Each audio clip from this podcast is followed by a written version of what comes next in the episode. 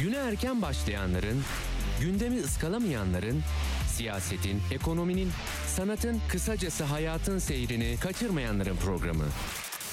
Ali Çağatay'la Seyir Hali hafta içi her sabah 7'den 9'a Radyo Sputnik'te. Ali Çağatay'la Seyir Hali başlıyor.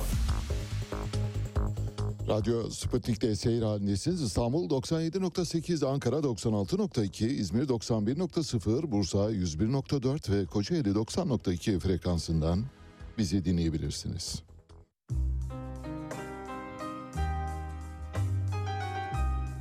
Che vuole questa musica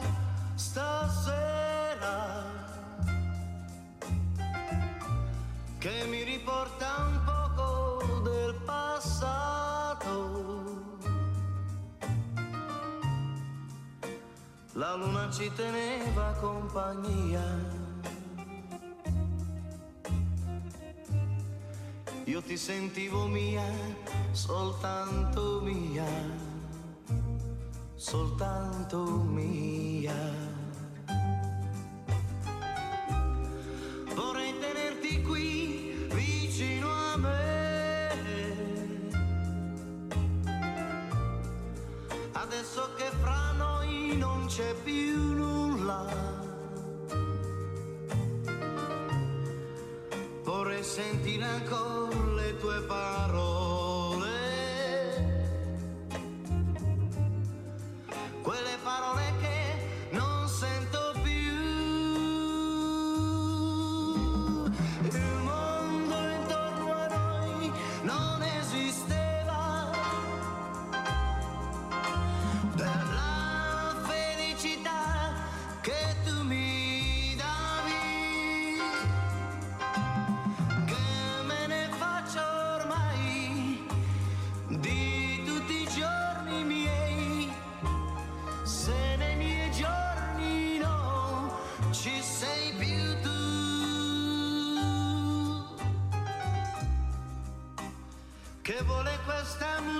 Stasera?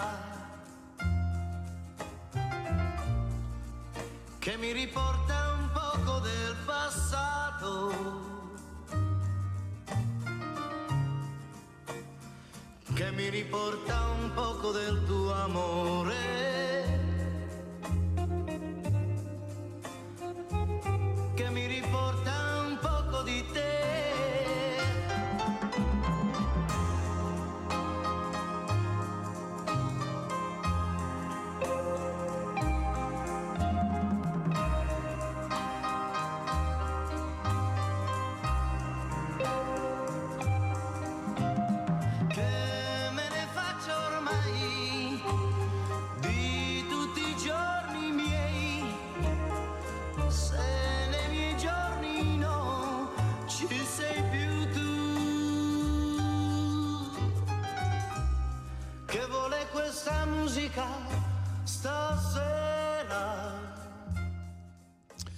Dışarıda karanfil sakızı gibi bir hava var. Hafif ıslak. İçinize çekebileceğiniz kadar çok fazla ozon var. İstanbul için söylüyoruz elbette. Sanıyoruz Marmara'da da benzeri bir hava var. 15 derece sabahın bu saatlerinde. Artık yavaş yavaş günler uzamaya başlayacak. 22 Aralık'tan sonra daha uzun günlere tanıklık edeceğiz. Daha geç kalkacağız. Hava yavaş yavaş aydınlanmaya başlayacak ve biz güneşle birlikte uyanmaya çalışacağız. Size Pepino Gagliardi'den parçalar dinletiyoruz. Pepino Gagliardi İtalyan asıllı bir şarkıcı. 1940 doğumlu ve Napoli doğumlu kendisi. 1970'te Settembre adlı albümüyle ilk şöhretini elde etti. Sanremo Müzik Festivali'nde iki adet ikinciliği var kendisinin. Şu anda dinlediğiniz parçanın arkasından haberlere giderken o meşhur Settembre'yi size çalacağız. Başlıyoruz yeni bir haftaya. Parlamentoda şu anda bütçe görüşmeleri var. Bununla ilgiliyiz. Bütçe görüşmelerini sizi size o konuda detaylandı detay bilgilere ulaştırmaya çalışacağız. Bu arada futbolda da Dünya Futbol Kupası'nda artık yarı final ve finale doğru gidiyoruz. Çok sürpriz var. Dolayısıyla çok sürprizin olduğu bir turnuvadan bahsediyoruz. Yayınımızın sonuna doğru bir son dakika haber var. Bir torba kanunla gece yarısı gelen bir torba kanunla zeytinlikler artık imha edilecek. Öyle gözüküyor. Zeytinliklerin imha edilmesiyle ilgili bir süreç var. Bütçe görüşmelerinin toz bulutu arasında getirilen bu tasarıyı sizinle konuşacağız. Ayvalık Zeytin Üreticileri Derneği Başkanı Aydın Şensal saat 9'da çeyrek kala telefonumuzda olacak. Zeytinlikleri savunacağız. Sadece zeytinlikleri savunmuyoruz. Başka savunacağımız konular da var elbette.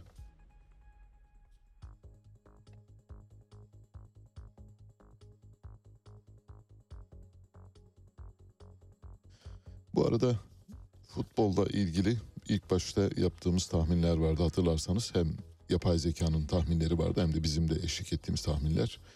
Bir izleyicimiz şöyle yazmış çok hoş. Diyor ki Ali Bey gördüğünüz gibi yapay zeka hayatın olağan akışı içinde çuvallıyor. Ne Brezilya kaldı ne İspanya ne de Portekiz.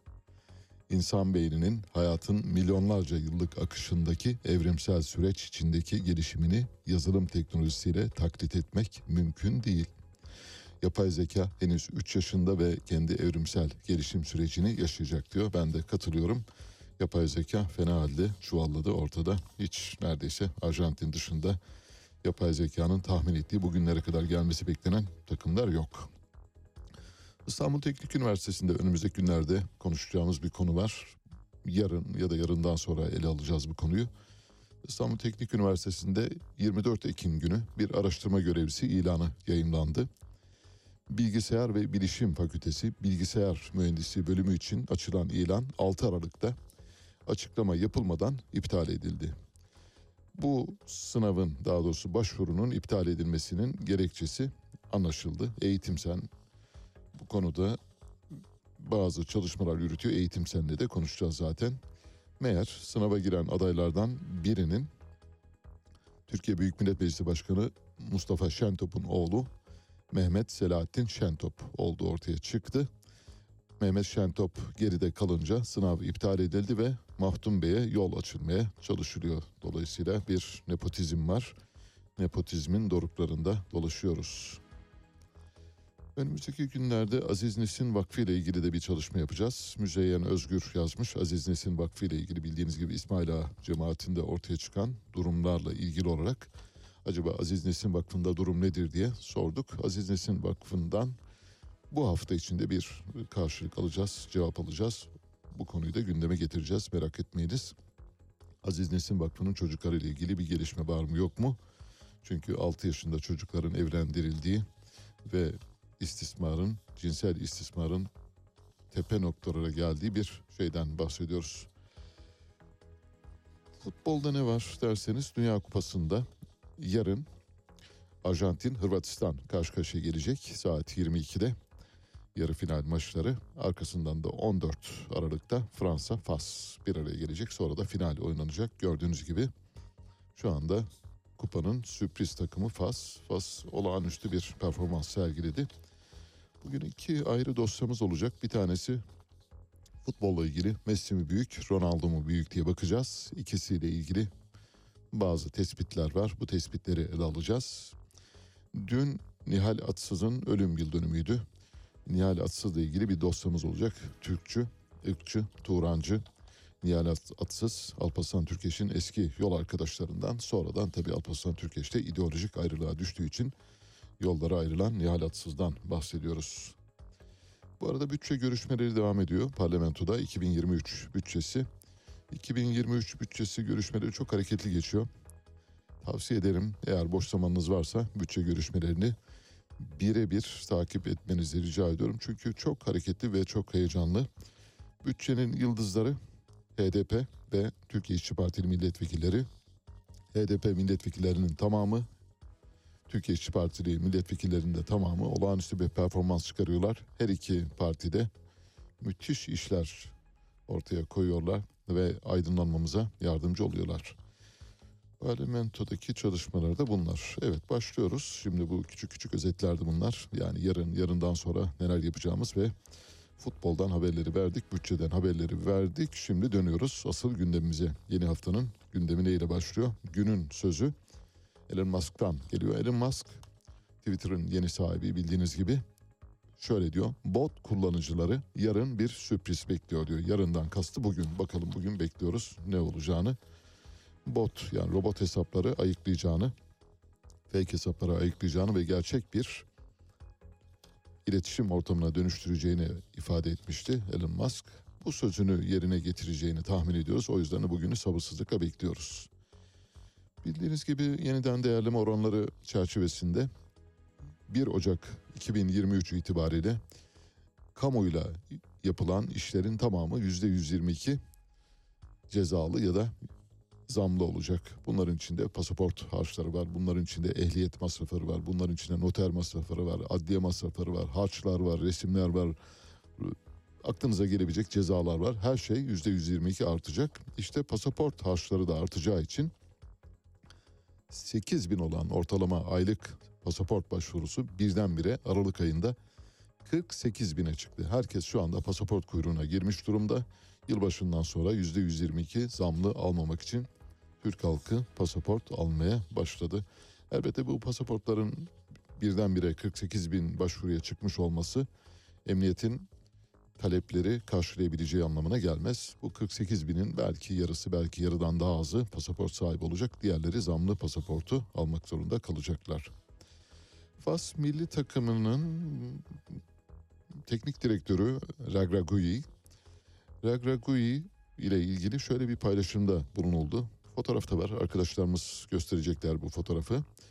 Şöyle diyor. Portekiz zaferi sonrası röportaj veren Fas Teknik Direktörü Velid Ragragui, İspanya galibiyetinin gecesi otel odasındayken birden kapı çaldı.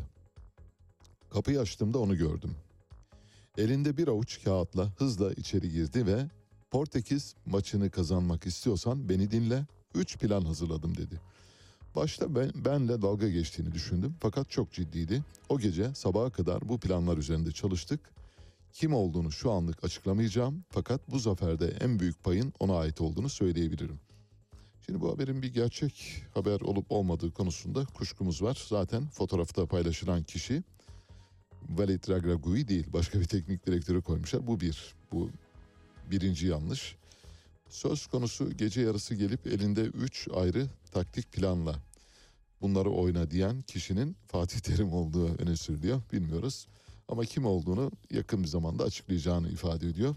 Bir de tabii bu işin hani hurafeye dönük olan kısmıyla ilgili bir şeyler söylemek gerekirse eğer birisi size bir planla geliyorsa örneğin çocuğunuz doğacak değil mi? Çocuğunuzun kız mı erkek mi olacağını biliyorsa ya da bilirse o zaman evet diyeceksiniz ki bir kerameti var. Ee, şöyle gelirler genellikle bu takım yani gelecekten gayipten haber verenler şöyle derler. Oğlun olursa adı şu olsun kızın olursa bu olsun. Yani bir çocuğunuz olacak der haberi verir bir yerden öğrenmiştir. İşte bu böyle birden çok seçenek sunulunca orada iş hurafeye dönüşüyor. Eğer gerçekten Ragragui'ye bir teknik direktör ya da bir teknik adam gelip maçla ilgili Portekiz maçıyla ilgili bir taktik vermişse bunu bir planla ifade eder. Tek plan sunar. Üç plan neden? Üç plan işin biraz fiktif olduğunu ya da bir e, hurafeden ya da uydurmadan ibaret olduğunu ortaya koyabilir. Bilmiyoruz kim olduğunu ama bir kişi olduğunu ifade ediyor. Muhtemelen gece gelen yabancı. Dün gece İstanbul Fas seferini yapan bir kadın yolcunun doğum yapacağını söylemesi üzerine bir uçak Roma'ya acil iniş yaptı. Bundan önce de bildiğiniz gibi İspanya'ya acil iniş yapan bir uçak vardı. İnişten sonra bazı yolcular uçaktan kaçmaya çalıştı. Sağlık ekiplerinin yaptığı kontrolde kadının doğumunun henüz başlamadığı tespit edildi. Yani bir hamile kadın var, doğum sancıları var ancak doğumunun henüz olmayacağı ifade ediliyor. Bu bir oyun. Bunu Faslılar iki kez denediler. Birinde çok başarılı oldular. 26 kişi kaçtı, dağıldı uçaktan. Apron'da dağıldılar. Bu defa Roma'ya inerken aynı şeyi yapmaya çalıştılar ancak polis önlem aldı ve dağılmalarını engelledi. Herhalde bu son olacaktır diye düşünüyoruz. Bu işin içinde de biraz Türk Hava Yolları var. Türk Hava Yolları bu işe aracılık yapıyor. Muhtemelen Uluslararası Havacılık İşletmesi ya da Avrupa Hava Yolu İşletmesi bu konuda Türkiye'ye bir uyarıda bulunacaktır. Siz kaçak göçmen taşımak için kurgu seferler yapıyorsunuz diyebilirler. Bir gün gazetesinden İsmail Arı'nın bir haberi var. İsmail Arı Sanayi ve Teknoloji, Bilim Sanayi ve Teknoloji Bakanı Mustafa Varank'ın kuzenine verilen bir ihaleden bahsetmişti. İsmail Arı'nın bu haberinden sonra söz konusu ihale iptal edildi. İsmail Arı bunun üzerine sosyal medyasından şöyle bir şey paylaştı. Çok şükür bir yağmaya ranta engel olabildik. Bir haberin karşılığını nadiren de olsa görebilmek çok kıymetli. Bu gelişmeden sonra özgürce haber yapabildiğimiz Bir Gün Gazetesi iyi ki var dedim. Bir defa daha bu arazinin akıbetini takip etmeye devam edeceğiz diyor. Arazi iptal edildi. Ben dün akşam saatlerinde bütçe görüşmelerini izledim. Bütçe görüşmeleri sırasında Sanayi ve Teknoloji Bakanı Mustafa Varank, ben benim akrabalarım, akrabalarım, ak- akrabalarımdır. Dolayısıyla onlardan dolayı beni kimse itham edemez. Kaldı ki en ufak bir yolsuzluk, usulsüzlük, hırsızlık yapmadım, yapmam, bunlara alet, alet olmam. Bunları iddia edenler nokta noktadır diyerek böyle çok ağır, galis ifadeler kullandı. Ancak bunu söylediği dakikalarda hemen bir Cumhuriyet Halk Partisi milletvekili çıktı. Dedi ki Sayın Varank sizin bu sözünü ettiğiniz ihale yani sizin ailenize nepotik yollarla verilmiş olan ihale bugün iptal edildi. Bundan haberiniz var mı dedi. Ve Mustafa Varank açısından aslında bir yenilgi, bir mağlubiyet oldu parlamentoda canlı yayında. Bakalım önümüzdeki günlerde bu araziyle ilgili durum ne olacak? Arazinin bir fotoğrafı da var. İsmail Arı paylaşmış diyor ki Sedat Varank'a yar olmayan Bodrum'daki o arazi denize çok yakın bir mesafede ve ballı bir ihaleden bahsediyoruz. İhale iptal edildi.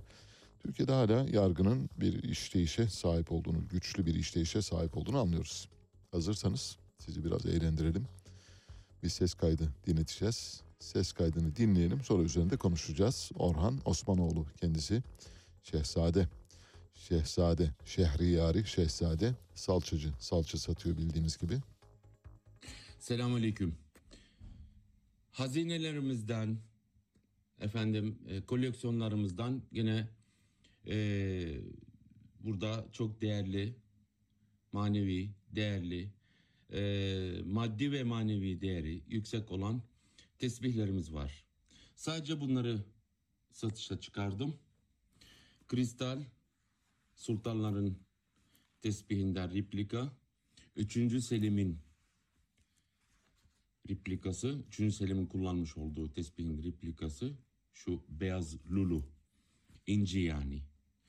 Ve kehribar, kesme kehribar, muhteşem bir tesbih. Efendim özel tasarlanmış bu tesbihte bir isim var demek istemiyorum. Alan kişi e, sürpriz olsun.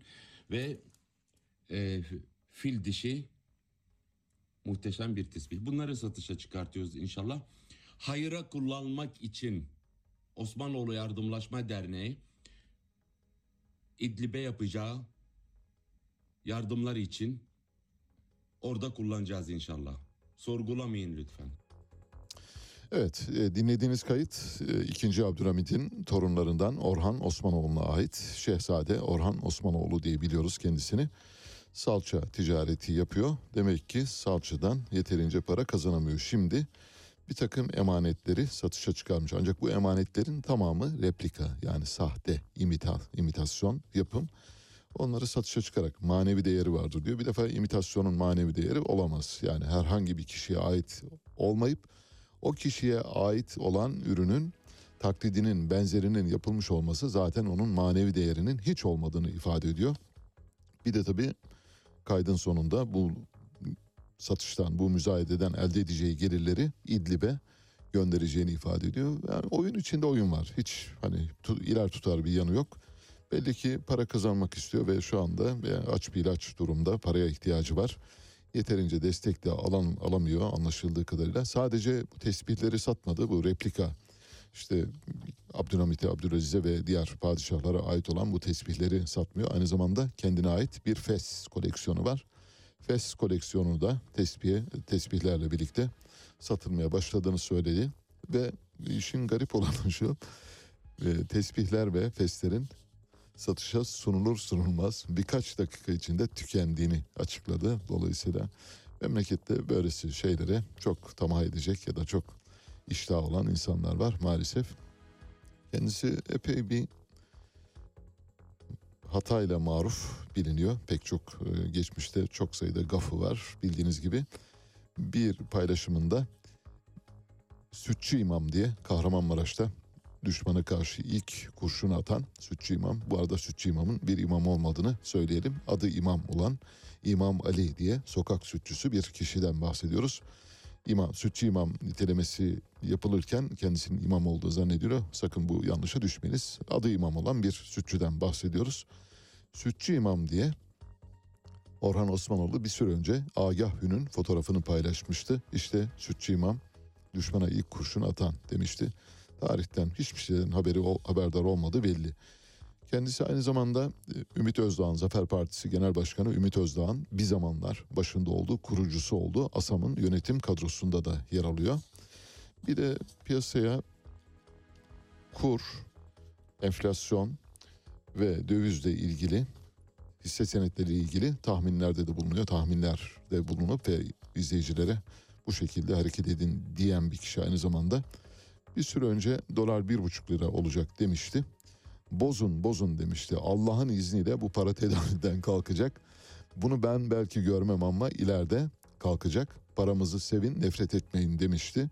Bu paylaşımı yaptıktan sonra dolar o zaman tabii iki buçuk üç lira civarındaydı. Dolar birdenbire 18 lira oldu. Acaba bozanlar şu anda dizlerine vuruyor olabilirler mi? Çok hoş bir haber paylaşacağım. Önce bir fotoğraf size güzel bir fotoğrafta gösterelim o fotoğraf eşliğinde. Kendisi Brezilya'da Brezilya Polis Teşkilatı'nda çalışan bir kadın polis. Keskin nişancı olduğu söyleniyor. Adı Ruana Pedroza Andrade. Ruana Pedroza Andrade. Fotoğrafını arkadaşlarımız paylaşırsa göreceksiniz. Bir silahı e, dipçiğini omzuna yerleştirmiş ve eli de hafif tetikte hoş, sevimli bir kadından bahsediyor. Şimdi bu haberin iki versiyonu var.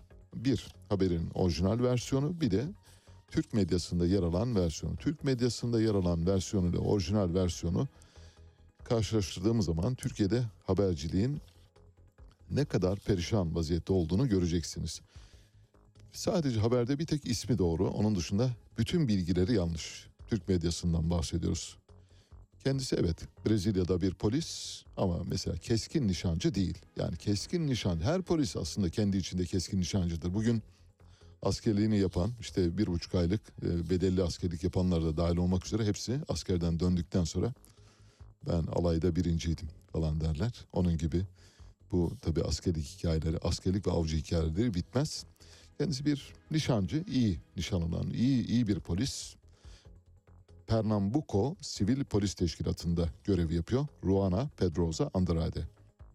Ruana Pedroza Andrade ile ilgili Türk medyası şöyle bir haber yaptı. Şimdi size bir haber, iki versiyon sunacağız. Dolayısıyla Türk medyasının ne kadar güvenilir olduğunu bu şekilde anlamış olacaksınız. Şöyle diyor. Kadının OnlyFans hesabı açmasının ardından haber polis teşkilatında çok kısa sürede duyuldu. Böylece asıl işinden olan Pedroza Andrade artık yoluna cinsel içerik üreticisi olarak devam edecek gibi görünüyor. Asıl işini bırakıp porno sektörüne yöneldi. Polisten bahsediyor. Sektörün büyüyüp gelişmesi devam ederken keskin nişancıyken porno sektörüne giriş yapan bu kadının sosyal medyada gündem olması kimseyi şaşırtmadı. Bu sorunun cevabı net değil. Zira para kazanmak için uygulamada talep görmek gerekiyor. Daha önce işini bırakıp bu platformda profil açan pek çok kadının paraya para demediğine şahit olmuştuk.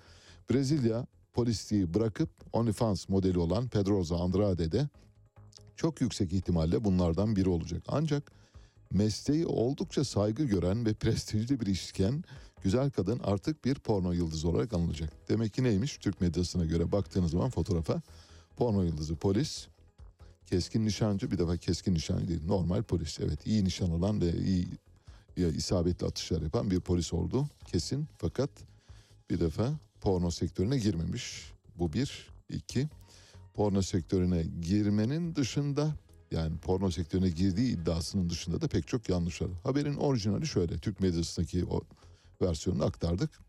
Kendisi bir sivil polis ajanı. TikTok profilinde fotoğraflar yayınlıyor, videolar yayınlıyor. Sosyal Savunma Sekreterliği, Brezilya polisinin Sosyal Savunma Sekreterliği tarafından cezalandırıldı.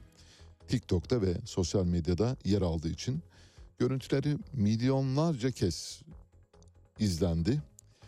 Polis departmanı bir soruşturma başlattı. Brezilya polisi ve gerçekleri ifşa etme, görevini ihmal etme gibi davranışlardan 14 gün uzaklaştırma cezası verdi söz konusu kişiye ve görevini ihmal ettiği bilgisini kamuoyuyla paylaştı. Ma- bu cezası maaş ve ücret kesme cezasına döndürüldü. Önce 14 gün uzaklaştırma verildi sonra maaş ve ücret kesme cezasına çarptırıldı. %50 kadar maaşından kesilecek.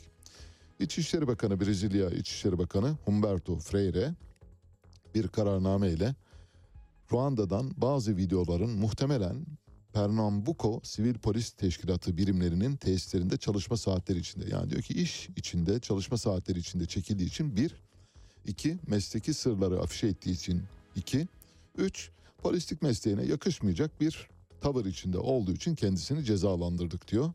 Dolayısıyla kusursuz bir kamu davranışına sahip olması gereken polisin saygınlığını sağlama görevlerini ihmal ettiğini söylüyor bakan ve bu yüzden de kendisine bir maaş kesme cezası vermiş. Demek ki haberi Türk medyasında okuyunca şöyle düşünüyorsunuz. Bir keskin nişancı var. Brezilyalı bir kadın. Çok alımlı bir kadın. Ve TikTok'ta videolar çekiyor. OnlyFans'ta porno videolar yayınlıyor. Bunun üzerine görevden alınıyor gibi şeyler çıkıyor. Hiçbiri doğru değil. Keskin nişancı değil. Sadece sıradan düz bir polis. Porno videolar çekmemiş. OnlyFans'da sadece biraz açık saçık görüntülerle paylaşmış. Elinde silahı var ve Brezilya Polis Teşkilatı da diyor ki polisin sırlarını deşifre etmekten ve mesleğin onuruna aykırı hareket etmekten dolayı sana ceza verdik. Bütün hikaye bu. Bunun haberin doğrusu bu, orijinali bu. OnlyFans bildiğiniz gibi merkezi Londra'da olan bir iş modeli hizmeti. İlk kurulduğunda bir iş modeli olarak kuruldu ancak sonradan yozlaştırıldı. İçerik yaratıcıları üye olan kullanıcılardan para kazanabiliyorlar. Yani kendinize üye yaptığınız zaman, abone yaptığınız zaman oradan para kazanabiliyorsunuz. Ancak sonra bu işi o kadar çığırından çıkardılar ki seks işçileri burada çok para olduğunu görünce, çok fazla abone kazanıldığını görünce onlar girdiler. Bunun üzerine 2020 Ağustos'unda OnlyFans ekibi finansal anlaşma sağladıkları şirketlerin politikalarından ötürü OnlyFans'da artık pornografik görüntü paylaşılmayacağını açıkladı. Ağustos 2021'de. Fakat sonra baktılar ki birdenbire gelir kaybına uğradılar. Sonra bu karardan vazgeçtiler. İsteyen istediğini yapabilir dediler. Dolayısıyla şu anda OnlyFans bir pornografik siteye dönmüş durumda.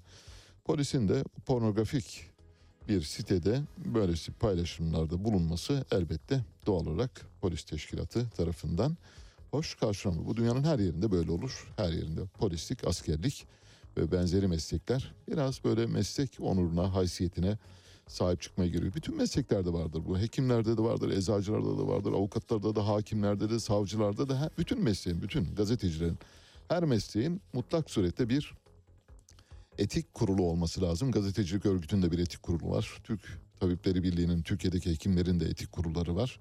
Oralarda cezalar veriliyor ama gazetecilik örgütleri maalesef yalama olduğu için gazetecilere bu konuda herhangi bir şey yapılamıyor. İsteyen istediğini yapabiliyor, söyleyebiliyor.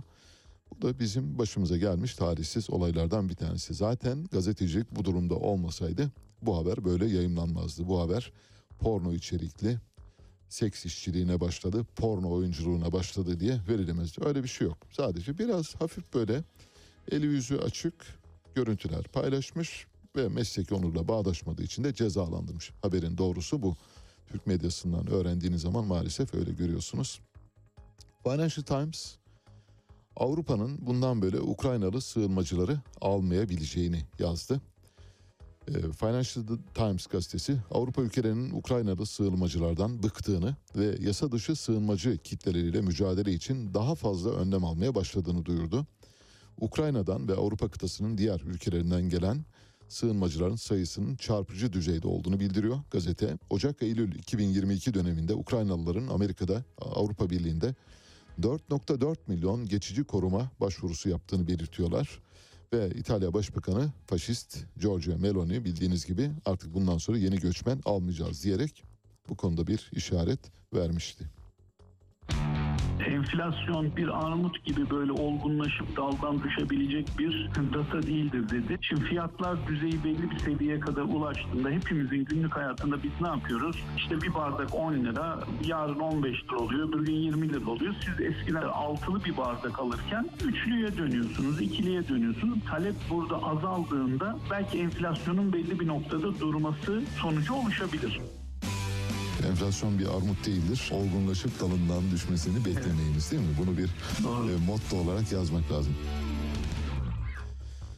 Evet şimdi bir futbol ve turnuvadan, Dünya Kupası'ndan bir paylaşım yapacağız. Bir dosyamız var. Bu dosyamız iki ana karakteri barındırıyor. Birisi Cristiano Ronaldo, öteki de Lionel Messi. Hangisi daha büyük, hangisi daha önemli, hangisi daha spor camiası açısından takdir edilesi bir karakterdir diye düşünüyorsanız şimdi onların her ikisinin kimlik kartlarını tarafsız, objektif, mümkün olduğu kadar iki tarafa da yaslanmadan, iki tarafı da gözetmeden, hiçbirinden yanaymış görüntüsü vermeden paylaşmaya çalışacağız. Kararı siz verin. Bu dosya çalışmasını şunun için yaptık. Bildiğiniz gibi Portekiz milli takımının son iki maçında özellikle ondan önceki maçlarda da vuku buldu bu durum. Teknik direktör Portekiz'in teknik direktörü Fernando Santos Ronaldo'yu yedekte soyundurdu. Bir maçta maçın sonda son 15 dakikasında en son yenildikleri e, maçta da maçın son yarısından sonra oyuna aldı. Bu dönem içinde Ronaldo'nun neden e, yedekte soyundurulduğu epey bir tartışma kopardı. Bu elbette Ronaldo'nun bu duruma sokulmuş olması hem Portekiz milli takımını moral olarak çökertti ve güçsüz bir takım olarak diğer takımların karşısına çıktı. Oysa Ronaldo çok büyük bir silah.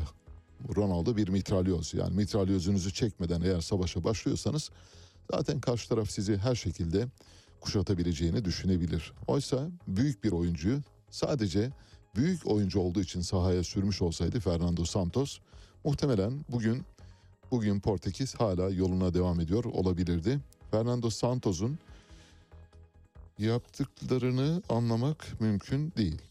Mesela onlardan biri Luis Figo şöyle dedi.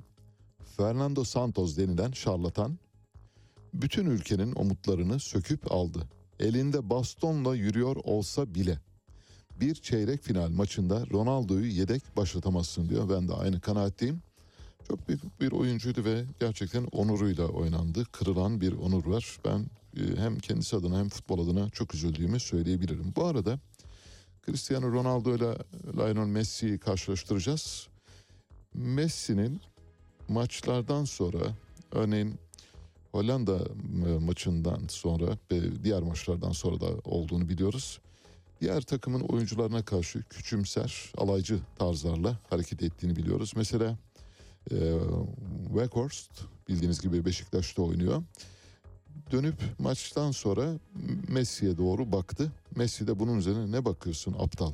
Geri dön ve yoluna devam et dedi. Ayrıca Arjantin milli takımı maçtan sonra yeni yendikleri maçtan sonra dönüp nanik işareti yaptılar. Karşı takımın tribünlerine ve oyuncularına doğru. Hatta eşek kulakları yaptılar öyle söyleyelim. Bu çok hoş olmayan bir şey. Yani mesela diğer takım oyuncularının yapmasına belki bir şey diyemeyiz ama Messi'nin aynı şey koronun içinde aynı e, şamatanın içinde olması gerçekten affedilir gibi değildi. Ben çok üzüldüm. Yani Messi'nin gerçek anlamda karakter yarışında Ronaldo'nun çok gerisinde kaldığını söyleyebiliriz. Hazırsanız önce Messi dosyasını açıyoruz. Messi kimdir?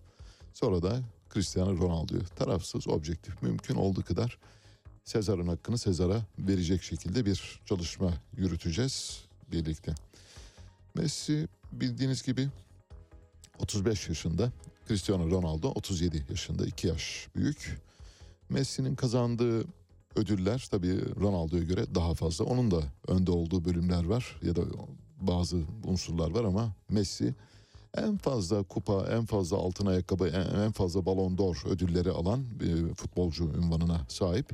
Gelir bakımdan Cristiano Ronaldo ona 5 basıyor öyle söyleyelim. Hiçbir zaman Cristiano Ronaldo'nun gelir seviyesine gelemedi. Neyse ileride gelebilir çünkü onun daha oynayacak 1-2 yılı var. Muhtemelen Cristiano Ronaldo artık büyük takımlardan ufak ufak uzaklaşmaya başlayacak.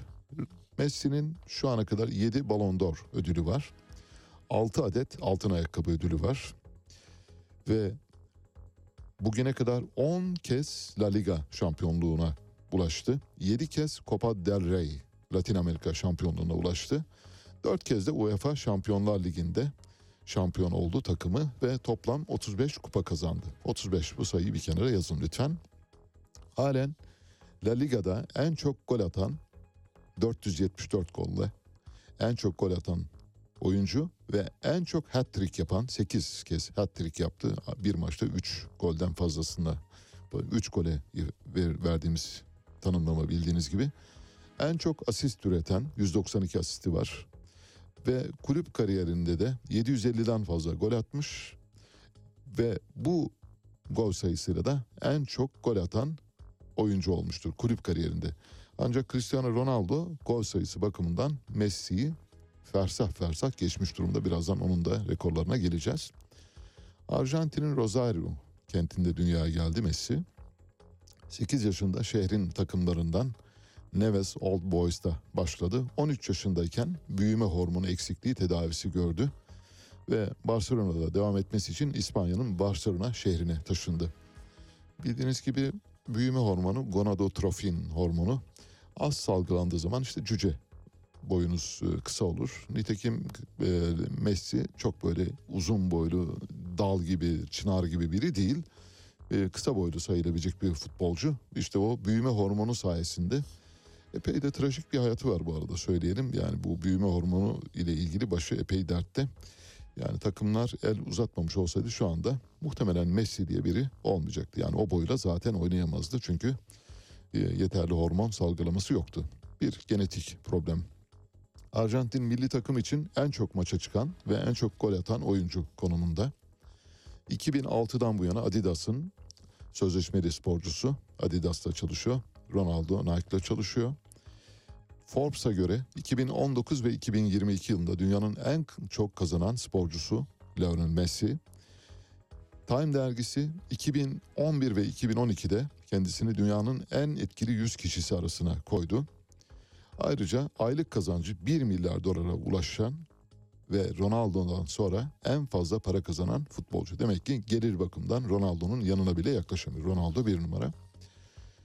11 yaşında büyüme hormonu eksikliği teşhisi konuldu. Primera Division adlı bir Arjantin ekibi e, River Plate'de oynarken Messi'nin tedavisine yardım için 900 dolarlık bir tedavi masrafı olduğunu bildirdiler takımı. Ve Barcelona'nın teknik direktörü Charles Reşak Messi'nin Katalonya'daki akrabaları sayesinde yeteneğinden haberdar oldu ve peki dedi gelin sizin bu büyüme hormonu tedavinizi yaptıracağız dedi. Messi'ye bir sözleşme önerdi. Böylece Messi'nin şansı ve talihi döndü. 26 Eylül 2005'te İspanya vatandaşlığını kazandı. 2005 yılında çıktığı bir maçta Ronaldinho o zaman takım oyuncu arkadaşıydı. Ronaldinho ile olağanüstü bir paslaşma gerçekleşti. Olağanüstü Ronaldinho zaten bir cambazdı, top cambazı. Böyle çok soğukkanlı, çok şeyli, çok e, kendinden emin hareket eden çok genç bir oyuncu ayrıca. Bu yönüyle çok takdir topladı. Ronaldinho olan e, paslaşması dolayısıyla. Bu yüzden kendisine yeni Maradona dediler. Hatta e, adı Messi Dona diye Messi'nin Messi'si Maradona'nın donasını vererek böyle bir ünvan verdiler. Buradaki Messi Dona aynı zamanda Mesih'i de çağrıştırıyor. Mesih'le Meryem'i de çağrıştırıyor. İkisi bir arada öyle düşün. Yani bir kelime oyunu yapılıyor adıyla ilgili olarak. 1986 Dünya Kupası'nda attığı asrın golü adı verilen golün bir benzerini Maradona daha önce kaydetmişti. Hatta o kadar ki bildiğiniz gibi Maradona'nın İngiltere'ye karşı eliyle attığı bir gol vardı. Sonradan bu golü eliyle attığını kabul etti ve oradaki el benim elim değil Tanrı'nın eliydi dedi. Aynı hikayenin bir benzerini Messi de gerçekleşti. Bir maçta çıktı eliyle topu kaleye doğru gönderdi ve sonradan eliyle attığını o da kabul etmek zorunda kaldı. Aynı şeyi söyledi. Bu Tanrı'nın eliydi, benim elim değil dedi.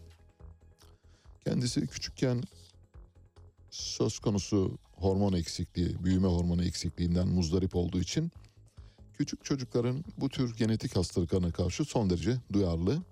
Mesela bir hastalık vardır, sindrom fragile dedikleri. Sindrom fragile Türkçe'ye cam kemik anlamıyla yani böyle dokunduğunuz zaman kırılan bir kemik hastalığı vardır ve Türk yani genetik olarak e, ortaya çıkar ve çok az sayıda yani milyonda birkaç vaka olarak ortaya çıkar ama çok kötü bir hastalıktır ve dolayısıyla tedavisi de çok mümkün değil.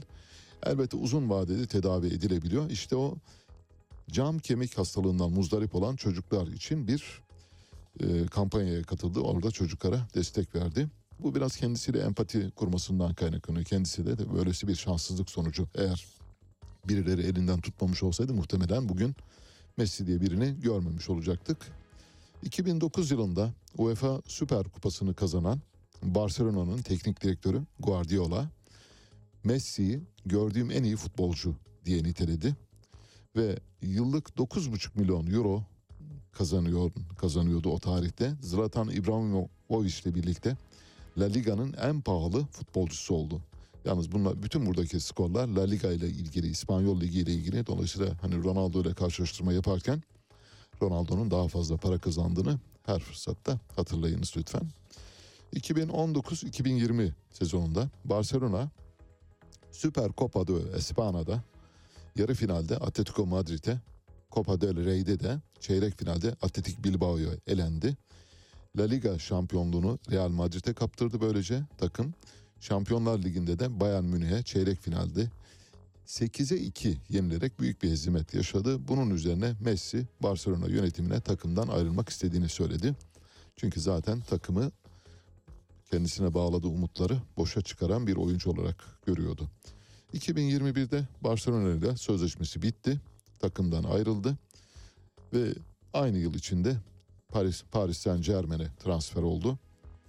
Arjantin milli futbol takımında ilk maçına 2005 yılında çıktı. 18 yaşında Macaristan'a karşı oynadı. 63. dakikada oyuna girer girmez bir gol attı. Ancak hemen arkasından yine çok kısa bir zaman içinde Marcus Merk tarafından oyundan atıldı. Bu oyundan atılmasını Maradona bir tabii hemşerisi ve aynı e, milliyetten olması sebebiyle bunun kurgulanmış bir maç olduğunu söyledi. Maradona'nın oyundan atılmasının bir oyun olduğunu ifade etti. Bu kupanın e, kazanılmaması için yapılmış bir plan olduğundan bahsetti. 2022 FIFA Dünya Kupası'nda takımın kaptanı olarak çıktı. Suudi Arabistan'a karşı yenildiler bildiğiniz gibi ilk maçta hatırlayacaksınız. Ve son 16'da profesyonel kariyerinin bininci maçına çıktı Avustralya karşısında. Özel hayatında bir vakfı var. İşte çocuklara kendisinin kendisiyle özdeş saydığı çocuklara yetenekli ancak hastalıklı çocuklara yardımcı olmak bakımından bir vakfı var. Foundation Leo Messi Vakfı. Bu vakfı şu anda kendisi finanse ediyor. Benim diyor çocuklara ve insanlara yardım etmek için her fırsatı değerlendirmem lazım. İspanya'da ve Arjantin'de fakir çocuklara yiyecek, içecek, eğitim, sağlık, ulaşım, tedavi masrafları sağlıyor. Tabii elbette bütün çocuklara değil, yetebildiği kadar çocuğa. 2010 yılında UNICEF tarafından iyi niyet elçisi seçildi. Facebook'taki sayfası 103 milyon kişi tarafından izleniyor. Dediğimiz gibi 1987 doğumlu ve 35 yaşında.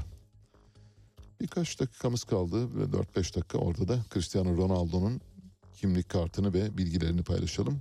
Ronaldo 1985 doğumlu 37 yaşında. Messi'den 2 yaş daha büyük. Şu ana kadar 5 kez Ballon d'Or ödülü kazandı. 4 kez altın ayakkabı ödülü kazandı.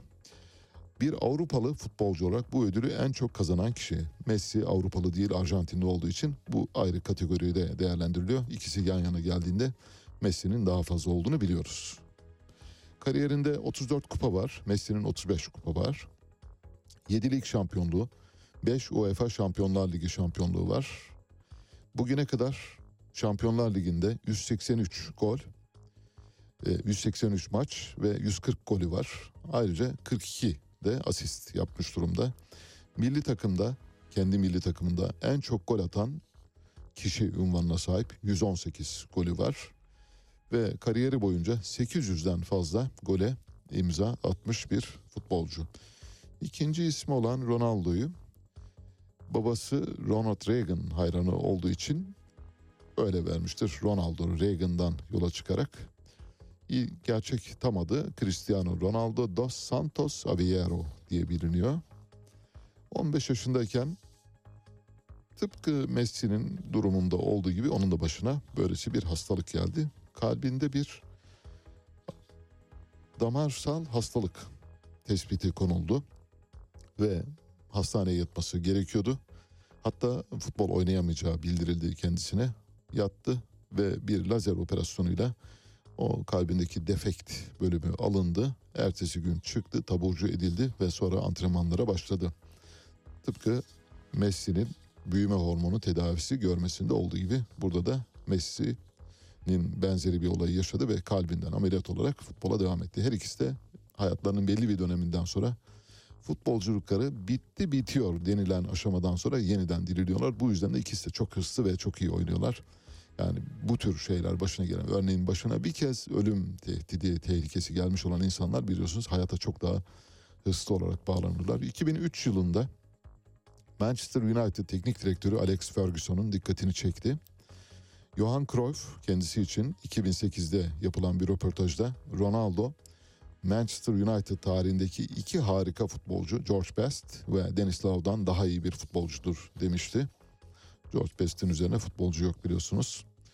2007-2008 sezonunda tam 42 gol atarak George Best'in en çok gol atan oyuncu rekorunu kırdı, geçti.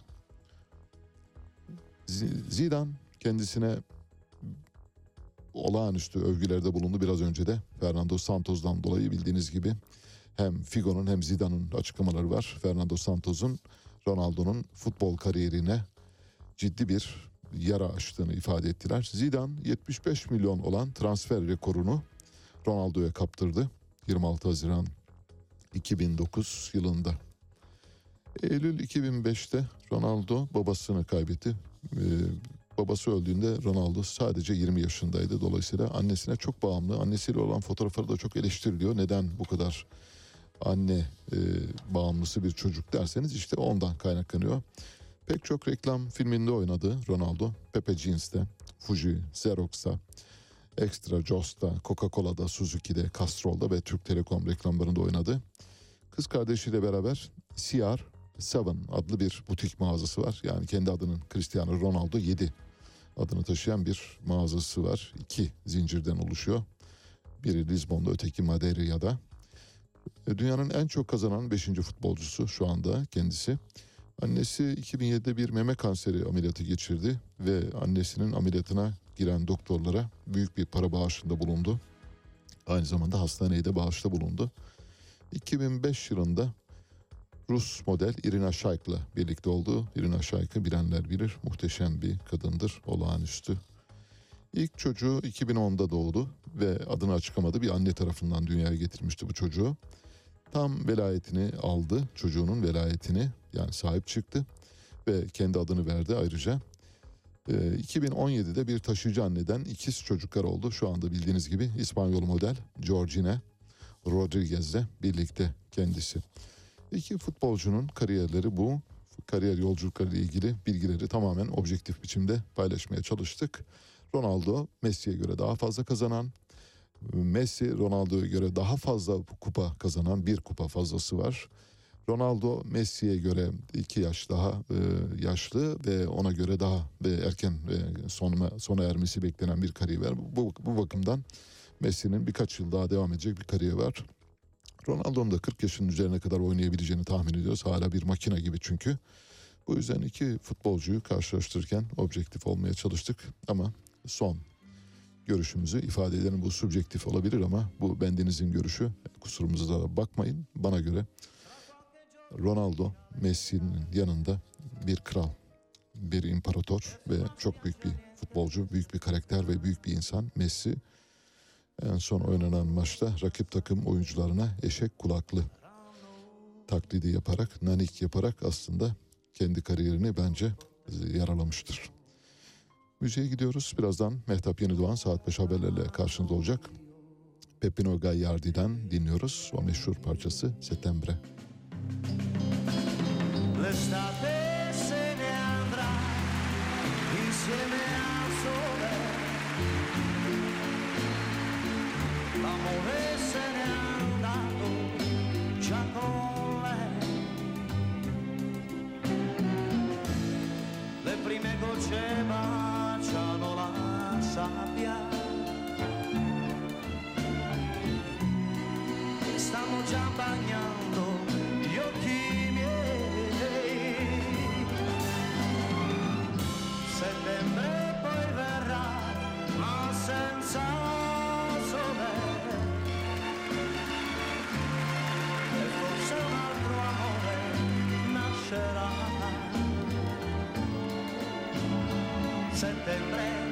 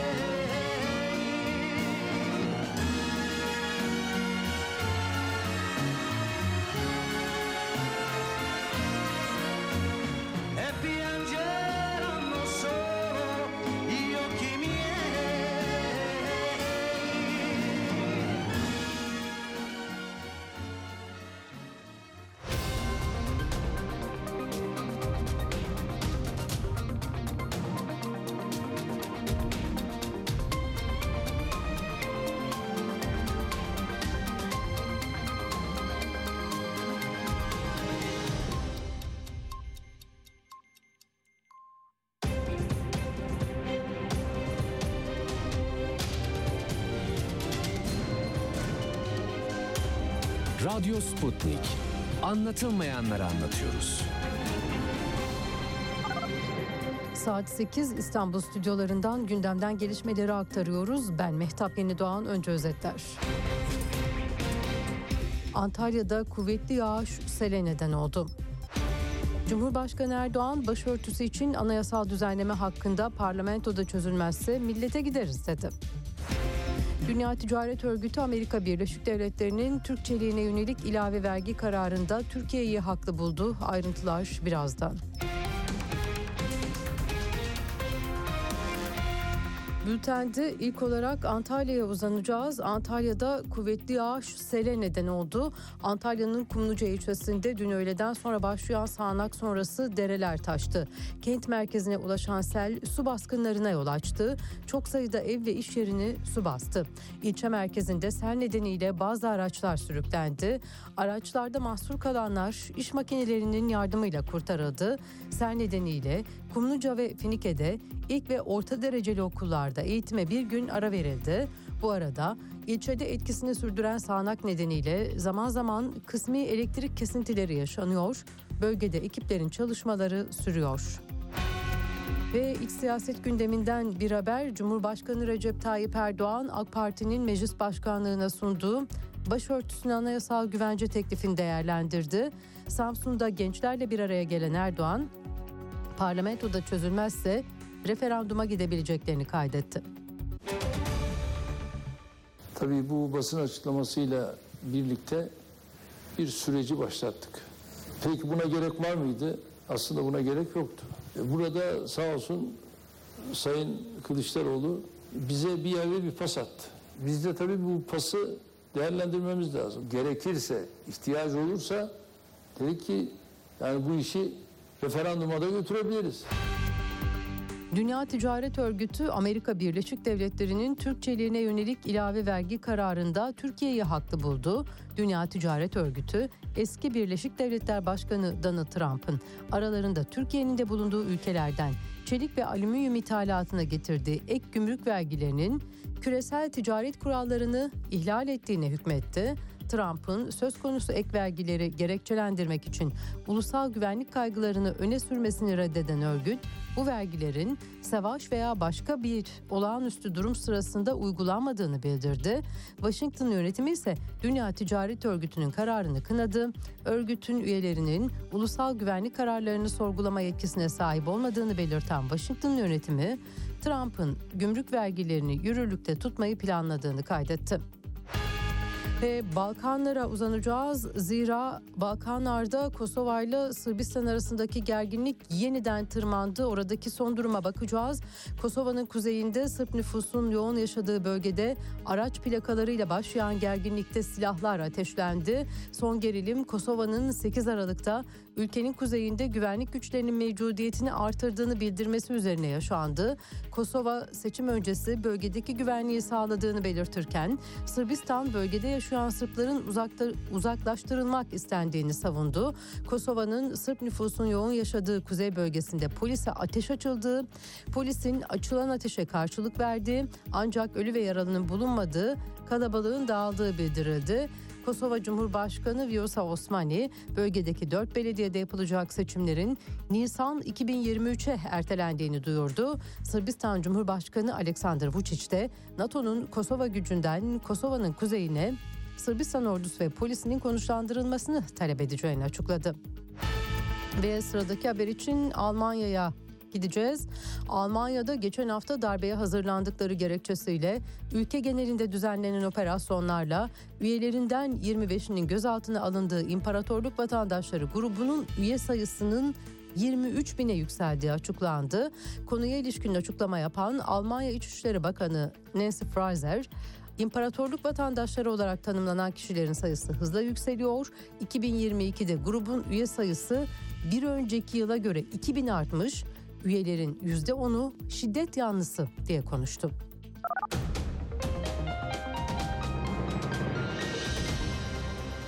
Haberleri sunduk. Gelişmelerle tekrar birlikte olacağız. Hoşçakalın. Radyo Sputnik 5 merkezden karasal yayında.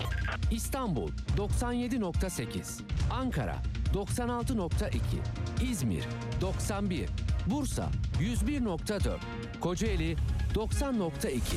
Karasal yayınlarımızın olmadığı yerlerde tr.sputniknews.com adresinden iOS ya da Android mobil cihazınızdan Sputnik News uygulamasını indirerek dinleyebilirsiniz. Radyo Sputnik. Anlatılmayanları anlatıyoruz. Son dakika haberleri, canlı yayınlar, multimedya ve daha fazlası Sputnik Haber Ajansı'nın web sitesinde. Dünyanın küçük bir parçasını değil, tamamını anlamak istiyorsanız sputniknews.com.tr'yi tıklayın, habersiz kalmayın. Havadan, sudan, karbon ayak izinden, yeşil mutabakattan, dünyanın yeni mottosuna uzanan, bugünden geleceğe bakan, soran, soruşturan, sorgulayan program. Olana bitene farklı bir gözle bakmak isteyenler için Meliha Okur'la Anlat Bana her pazartesi ve çarşamba saat 15'te Radyo Sputnik'te. Radyo Sputnik artık dünyanın en çok kullanılan sosyal ağlarından biri olan Telegram'da. Hala kullanmıyorsanız önce Telegram uygulamasını mobil cihazınıza yükleyin. Ardından Radyo Sputnik'in Telegram kanalına katılın. Canlı yayınlarımızı ve programlarımızı kaçırmayın. Anlatılmayanları anlatıyoruz. Güne erken başlayanların, gündemi ıskalamayanların, siyasetin, ekonominin, sanatın, kısacası hayatın seyrini kaçırmayanların programı. Ali Çağatay'la Seyir Hali hafta içi her sabah 7'den 9'a Radyo Sputnik'te. Yeniden birlikteyiz.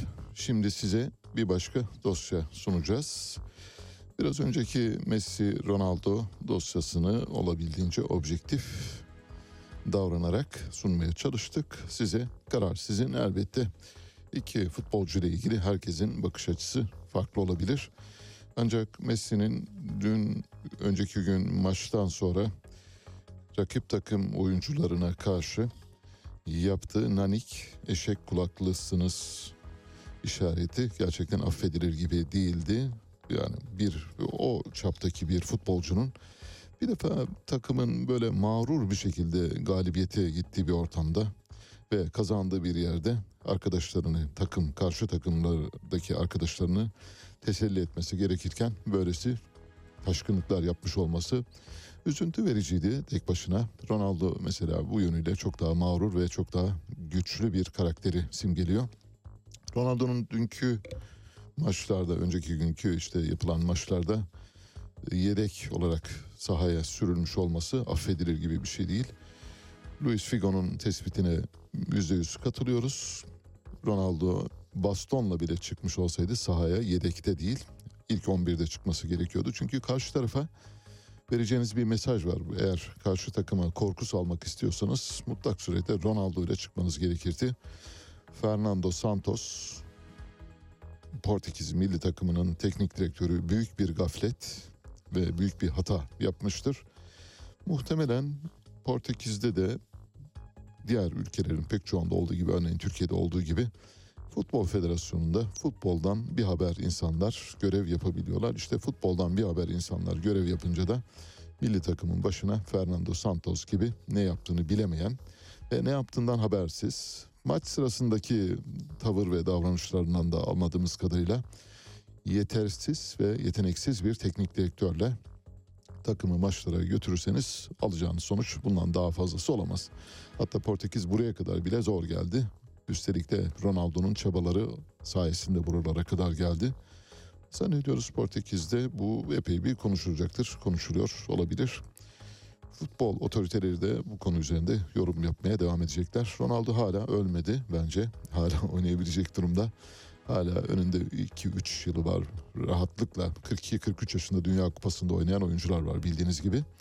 Bu yüzden Ronaldo'nun da uzunca bir dönem oynayabileceğini tahmin ediyoruz. Yani bir sonraki Dünya Kupası'nda olmayabilir belki ama ama futbol kariyerini burada noktalamayacağı çok açık. Sonrasında da iyi bir teknik direktör kariyeri olacağı yine aşikar. Bir defa çok para kazanan bir isim daha fazla sayıda kazanan ve daha büyük başarılara imza atmış bir isimden bahsediyoruz. İki futbolcunun artık bundan sonra karşılaştırma yapılmasına gerek dahi bırakmayacak şekilde birbirinden ayrıştığını görüyoruz. Futbol dediğimiz sadece bir gol makinesi olmaktan ibaret değil. Futbolculuk, futbolculuk aynı zamanda bir ahlak, bir etik abidesi, bir gurur abidesi, bir mağrur bir yürüyüşün temsilcileri olması gerekir. Ronaldo bunu gösterdi. Maalesef Messi büyük bir hayal kırıklığı yarattı. Bu hayal kırıklığını kişisel olarak da ben yani keşke görmeseydim dediğim şeyler gördüğüm için üzülüyorum maalesef. Şimdi bir başka dosyayı paylaşacağız. Nihal Atsız, Türk ve Türkçülük tarihinin önemli isimlerinden biri. Nihal Atsız'ın dün ölüm yıl dönümüydü. 11 Aralık 1975'te hayatını kaybetti.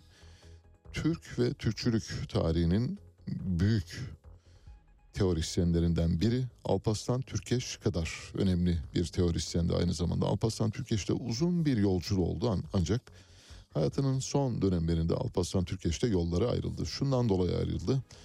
Alparslan Türkeş ve Milliyetçi Hareket Partisi, Alparslan Türkeş'in Milliyetçi Hareket Partisi daha böyle İslamcı bir motifi savundu. Türk İslam sentezine dayandı. Aydınlar Ocağı geleneğini daha çok sahiplendi. Nihal Atsız ise daha çok eski Türk tek tanrılı, çok tanrılı inancının gök tanrı, tengri inancına sahipti. Ve biraz farklı bir düşünce tarzı vardı. İslam'a karşı da epey bir mesafeliydi. Nihal Atsız da yola çıktığında ilk başlarda İslam'a karşı daha müzahir bir tutum içindeydi ancak sonradan İslam'dan yavaş yavaş uzaklaşmaya başladı. Türkçülükle ilgili tutumları da ayrıştı. Alparslan Türkeş daha çok e, Rusya ve Rusya'nın içinde bulunan Sovyetler Birliği'nin içinde bulunan Türk etnik kimliğine mensup kişilerin ya da toplulukların canlandırılması ve Rus esaretinden kurtarılması ile ilgili bir mücadele yürütüyordu. Bu bakımdan da Amerika Birleşik Devletleri'nin çıkarlarına çok hizmet eden bir parti anlayışı ya da parti programı olduğunu söyleyebiliriz. Yani atsız da Amerika Birleşik Devletleri bağlamında aynı yere oturuyor. Ancak ondan biraz ayrışan bir yanı var. Zaten ikisi arasındaki temel fark da burada kendini gösteriyor. Kendisi şu anda yazar Necdet Sancar'ın ağabeyi. Yağmur Atsız ve Buğra Atsız adında iki çocuğu var. Yağmur Atsız yazılarından tanıyanlar vardır muhtemelen. Tarihçi, Türkolog Rıza Nur'un da manevi evladı. Rıza Nur'u tanıyor muyuz?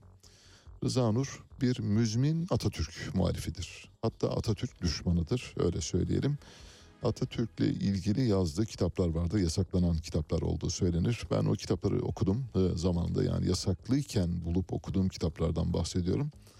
Böyle büyük bir hezeyan, bir akıl e, yoksunluğu ve aklını yitirmiş bir insanın yazabileceği kelimeleri kullanarak e, kaleme aldığı bir yapıttan bahsediyoruz. Bu bakımdan ak- akli muhakemesinin de çok yerinde olmadığını iddia edebiliriz. Elbette ben bir hekim değilim ancak öylesi bir kitabı yazan bir insanın sağlıklı düşünebilmesine olanak yok diye düşünüyorum. Nihal Atsız 1922 yılında yani Osmanlı'nın e, son dönemi Cumhuriyet'in ilk yıllarına tanıklık etmiş bir entelektüel.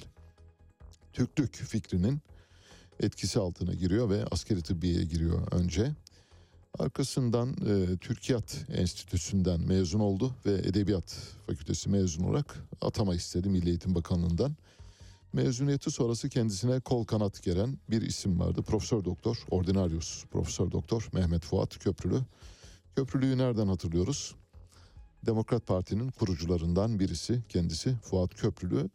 Kendisini bir tür manevi evladı gibi görüyordu. Tıpkı Rıza Nur'da olduğu gibi Rıza Nur ve Fuat Köprülü'nün manevi evladı konumunda.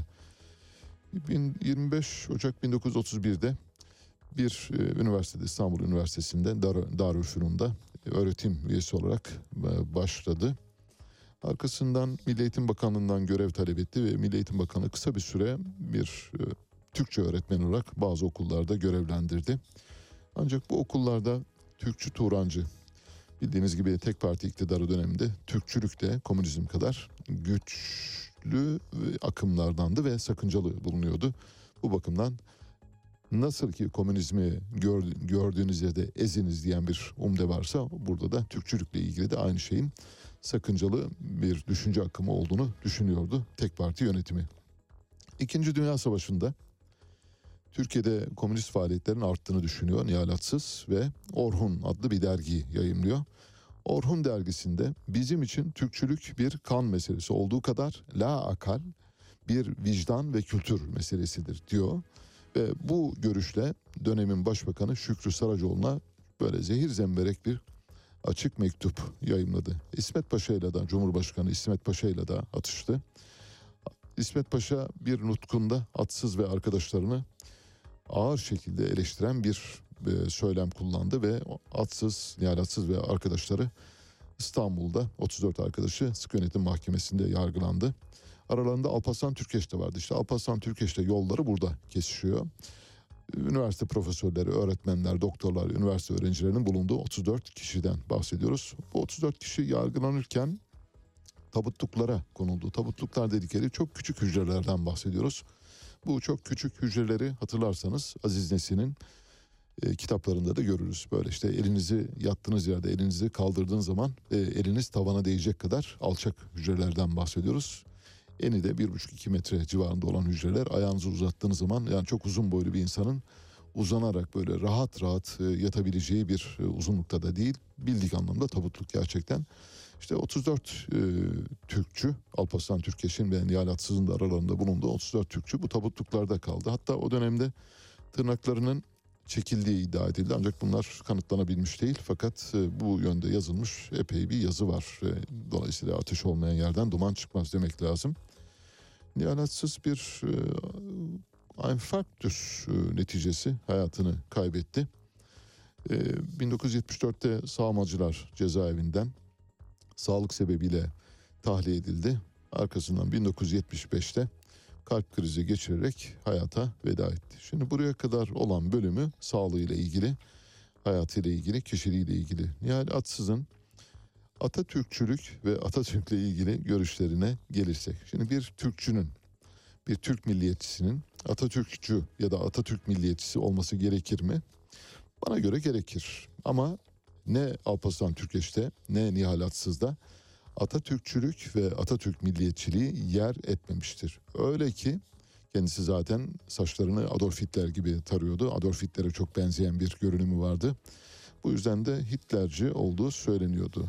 Nihal Atsız'ın Atatürk'le ilgili görüşlerine gelince küçük bir bölümü paylaşacağım. Buradan Nihal Atsız'ın Atatürk milliyetçiliğine bakış açısını zaten göreceksiniz. Şöyle diyor.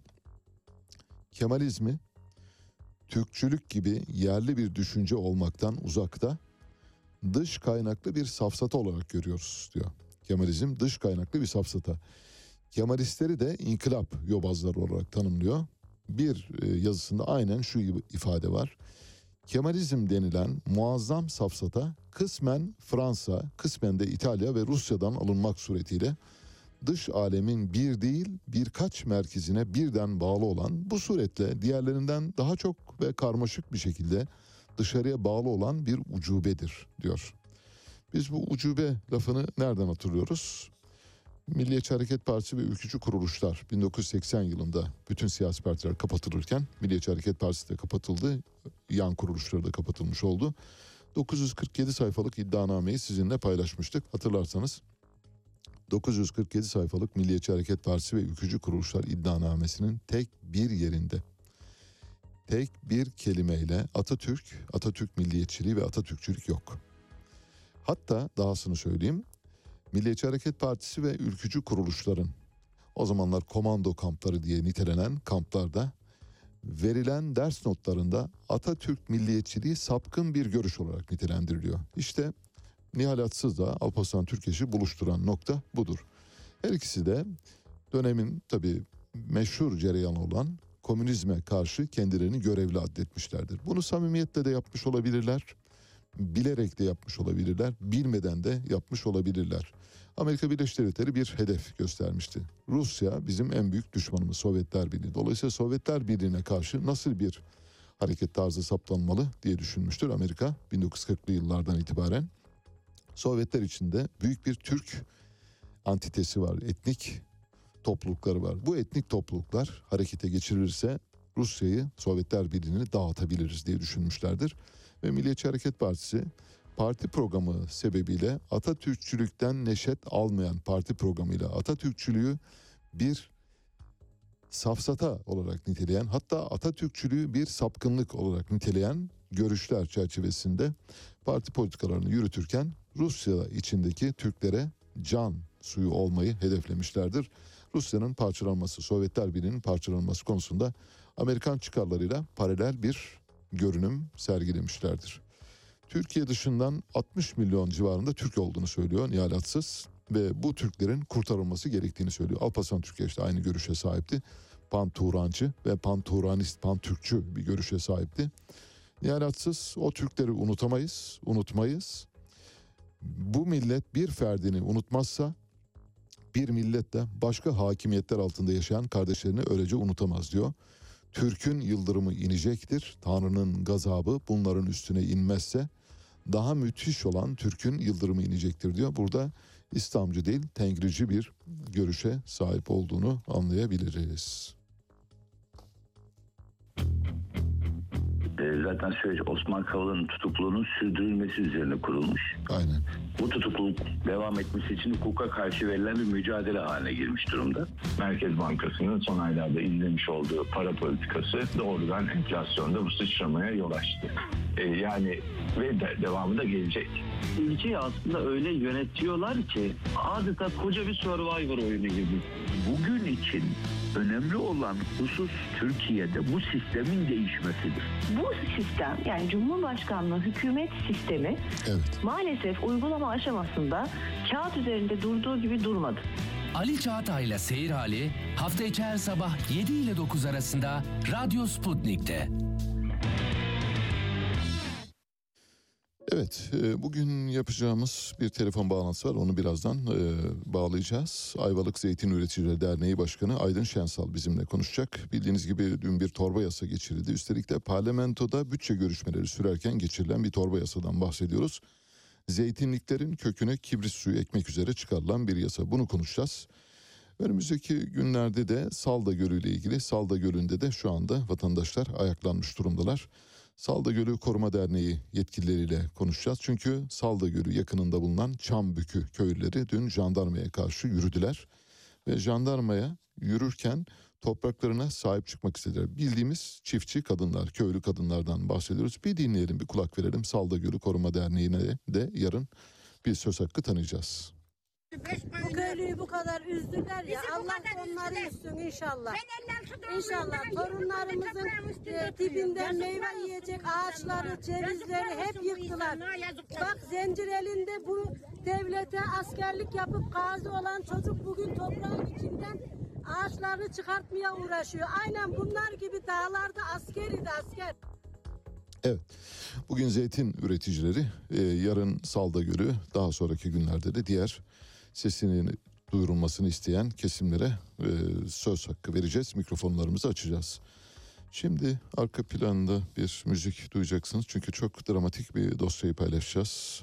Biraz üzüntü verici ama bir insanın hayatında bu kadar çok şeyin, bu kadar olumsuzluğun nasıl bir araya geldiğine hakikaten çok şaşabileceğiniz bir olaydan bahsedeceğiz. Erdal Uğurlu kendisi bir balet ve dün vefat etti. 57 yaşında kanserden hayatını kaybetti. Erdal Uğurlu'yu ben çok yakından tanımazdım. Fakat dün ölümünü duyunca Erdal Uğurlu ile ilgili şöyle ufak bir gezinti yaptım. Ortaya çıkan sonucu söyleyeyim size. Bir insanın hayatında bu kadar çok acı, dram, trajedi asla olamaz diyorsunuz. Bunlar ancak filmlerde olabilir diyeceğiniz şeyleri yaşamış Erdal Uğurlu. Olağanüstü hayatına o kadar çok şey sığdırmış. Çok dostu var bu arada. O kadar çok seveni var ki anlatamam size ve çok iyi bir balet.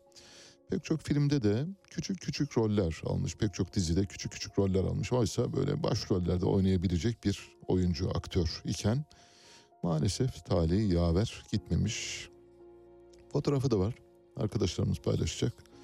Böyle bütün dişleriyle gülen olağanüstü bir insandan bahsediyoruz. Kendisi bir balet koreograf ve Duygu Aykal'ın sahneye koyduğu İnsancık adlı oyunda da dans etti. Ayrıca Dostoyevski'nin Budalası'nda da keza baş dansçı olarak yer aldı. Müthiş elastik bir vücudu var ve çok iyi dans ediyor. Arka Sokaklar dizisinde de böyle hafif serseri karizmatik bir kişiyi oynadı. Orada da yine böyle çok silik rollerden biriydi maalesef. Hayatını şöyle bir gözden geçireceğim. Bittiği zaman diyeceksiniz ki bunlar ancak filmlerde olabilir. Bir insanın hayatında başına bu kadar çok şey gelemez. Eğer bu kadar çok şey gelmişse bu insan o güne kadar nasıl yaşamış olabilir ve nasıl dayanmış olabilir diye hayret edeceğinizi zannediyorum. Çok trajik. Kendisi ilk hayatındaki büyük dramla 1993 yılında karşılaşıyor. 93 yılında evli. İki de çocuğu var. Eşi iki çocuğuyla birlikte evde oturuyorlar. Kendisi de dışarıda bir görev için muhtemelen bir gösteri için il dışında İstanbul dışında bulunuyor. Eve bir hırsız giriyor. Hırsız girince evdekiler fark ediyor. Eşi hırsızın girdiğini fark ediyor ve bağırmaya başlıyor. Bağırmaya başlar başlamaz hırsız önce eşini sonra da iki çocuğu öldürüyor. Ve Erdal Uğurlu bu olayı günlerce unutamıyor tabii. Ve o kadar o kadar e, büyük bir acı yaşıyor ki acılarını unutmak için çok fazla alkole sığınıyor ve alkolle yaşamaya başlıyor. Sonra tekrar evleniyor. Bu evlilikten de bir kızı oluyor. Beste adında bir kızı oluyor. Yine kent dışındayken bir gün evi arıyor ve evden cevap alamıyor. Bunun üzerine kapıcıyı arıyor. Kapıcı gidip eve bakıyor, çalıyor, kapıyı açılmıyor ve kapı çilingirle açılıyor. İçeri giriyorlar. İkinci evliliğinden ve ikinci dramdan bahsediyoruz. İçeride eşi yaralı ve ağzı yüzü kan içinde çocuk da ölmüş. Yani küçük kız evde hayatını kaybetmiş. Eşinin ağzında kızının saçları var. Yani öldürürken, yastıkla boğarken, kızını, öz kızını boğarken ağzına saçları ya da kızı saçlarını çekerek e, vazgeçirmeye çalışıyor ama tabii küçük çocuğun gücü buna yetmiyor. Arkasından Beste ölüyor kızı. Kadın da bir akıl hastanesine kaldırılıyor çünkü bir şizofreni hastası ya da benzeri bir hastalığa düçar olduğu ortaya çıkıyor. Böylece ikinci evliliği ve ve çocukları yani iki çocuğu bir eşi sonra bir çocuğunu kaybediyor bu yolla diğer eşi de akıl hastanesinin yolunu tutuyor maalesef. Dram bununla sınırlı değil. Eğer bitti diyorsanız bitmedi maalesef. Erdal Uğurlu'nun bir de ağabeyi var. O da tiyatrocu, sinema oyuncusu. Aynı zamanda Namık Uğurlu. O da Balıkesir Ayvalık'ta tek başına yaşıyor ve evinde ölü bulunuyor. Alkole bağımlı olduğu öne sürülüyor. Pek çok yerde oynadı Erdal Uğurlu. Mesela Gülben Ergen'e bale dersleri verdi. Gülben Ergen'le Hülya Avşar'ın rekabeti sırasında. Başına şöyle bir şey daha geldi Erdal Uğurlu'nun. 2006 yılında bir diş hekimi, Ata Anıl adında bir diş hekimi, eşi Esra Anıl'ın Erdal Uğurlu ile ilişkisi olduğunu öne sürdü. Ve bunun üzerine 300 bin liralık bir tazminat davası açtı. Eşimle birlikte oluyor diye. Esra Anıl yani birlikte olduğu iddia edilen kadın Doktor Ata Anıl'ın eşi olan Esra Anıl Erdal Uğurlu ile ilişkisi olduğu öne sürülen Esra Anıl bir dilekçeyle karşı dilekçeyle şöyle dedi. Erdal tanıyorum. 13 yıldır benim şirketimde sözleşme olarak çalışıyor. Opera ve bale sanatçısı, koreograftır ve çok yakından tanıdığım bir isimdir. Bu tür bir ilişkimiz yok dedi. Ve Erdal Uğurlu'nun avukatı Ata Anıl'ın zina suçlaması, boşanma davasına haklı mazeret üretmesine yönelik olduğunu söyledi. Dolayısıyla bu olayda da yine Erdal Uğurlu'ya yönelik kaderin kötü bir oyunu var. Bir insanın başına bu kadar çok şey geldikten sonra o insanın hayata tutunabilmesi hakikaten çok zor. Böyle trajik bir hikayesi var Erdal Uğurlu. Kendisine buradan rahmet diliyoruz ve kendi gör, görüntüsünü ya da kendi hayatını kendisine göğün yedinci katına gönderiyoruz. Enflasyon bir armut gibi böyle olgunlaşıp daldan düşebilecek bir data değildir dedi. Şimdi fiyatlar düzeyi belli bir seviyeye kadar ulaştığında hepimizin günlük hayatında biz ne yapıyoruz? İşte bir bardak 10 lira, yarın 15 lira oluyor, öbür gün 20 lira oluyor. Siz eskiden altılı bir bardak alırken üçlüye dönüyorsunuz, ikiliye dönüyorsunuz. Talep burada azaldığında belki enflasyonun belli bir noktada durması sonucu oluşabilir. Enflasyon bir armut değildir. Olgunlaşıp dalından düşmesini beklemeyiniz değil mi? Bunu bir e, motto olarak yazmak lazım. Evet böyle biraz hüzünlü e, olmakla birlikte bir insanın başına gelebilecek ve yalnızca filmlerde, yalnızca romanlarda, yalnızca kitaplarda olabileceğini zannediğiniz şeyin aslında bir insanın hayatında olabileceğini. Biraz önce Ronaldo ve Messi'nin hayatlarından da örnekler verdik. Her ikisi de eğer birileri el uzatmamış olsaydı muhtemelen bugün ne Ronaldo ne Messi olabilirdi. İşte insanların böyle yardımcı melekleri olabiliyor. Bunu böyle bir uhreviyat içinde söylemiyorum elbette. İnsanlara yardım elini uzatan diğer iyi insanlardan bahsediyoruz. O iyi insanlar olmamış olsaydı bu anda, şu anda iyi insanların bize kazandırdığı insanlar aramızda olmayabilirdi. Bir keşif var Avustralya'da görselleri de var arkadaşlarımız paylaşacaklar. Nesli tükenen bir deniz sürüngeni. Deniz sürüngeni tam tamına 100 milyon yıllık. Dolayısıyla 100 milyon yıl geriye doğru insanlığın oluşumu geriye doğru götürülebiliyor. İnsanlığın oluşumu 100 milyon geriye doğru gittiğine göre Adem'le Havva, Habil'le Kabil gibi pek çok şeyde aslında esatir, mitolojik ögeler olmaktan öteye gitmiyor maalesef.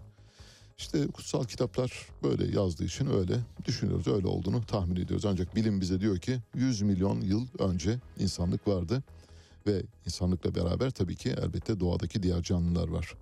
Rock Ricks adlı amatör bir paleontolog tarafından e, Queensland bölgesinde, Avustralya'nın Queensland bölgesinde kırsal kesimlerde bulunan iskeletin 6 metre uzunluğundaki uzun burunlu yavru bir sürüngene ait olduğunu belirlediler. Queensland Müzesi Paleontoloji Birimi Müdürü Espen Knudsen bulunan iskelete ilişkin yaptığı çalışmada gövdesinin üçte ikisinin uzun boyunlarının oluşturduğu sürüngenin öldükten sonra kafalarının vücutlarından ayrıldığını, bu türe ait bütün bir fosilin bulunmasının epey güç olduğunu bildiriyor.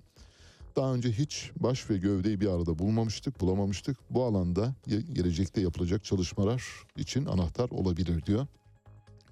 Yavru sürüngenin iskeletinin türün kökenine, evrimine ve ekolojisine ışık tutması bekleniyor. Boyları 8 ila 10 metre arasında değişen sürüngenler yaklaşık 150 milyon yıl önce Avustralya'nın iç kesimlerine kadar uzanan Eromanga denizinde yaşadıkları tahmin ediliyor.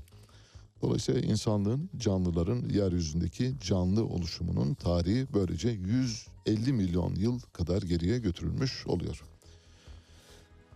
Maden kazaları ile ilgili anımsatmamızı yapalım. Önümüzdeki günlerde Amasra'daki maden kazası ile ilgili bir e, son durum e, tespiti yapacağız. Daha doğrusu bir e, durum tespiti için telefon bağlantısı da yapmaya çalışacağız.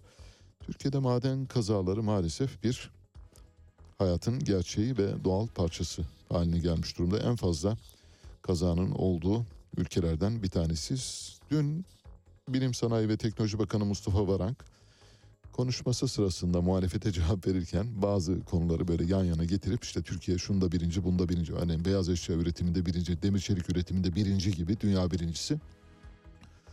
Muhalefetten bir karşılık bekledim mesela çok basit 15 dakika oturduğunuz yerden şu çalışmayı yapabilirdiniz.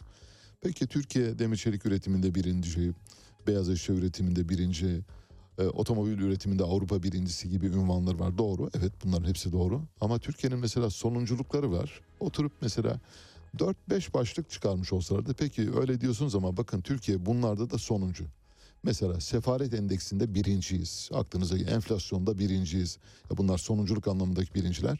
Muhalefette o kadar bir şey gevşeklik var ki anlatamam size.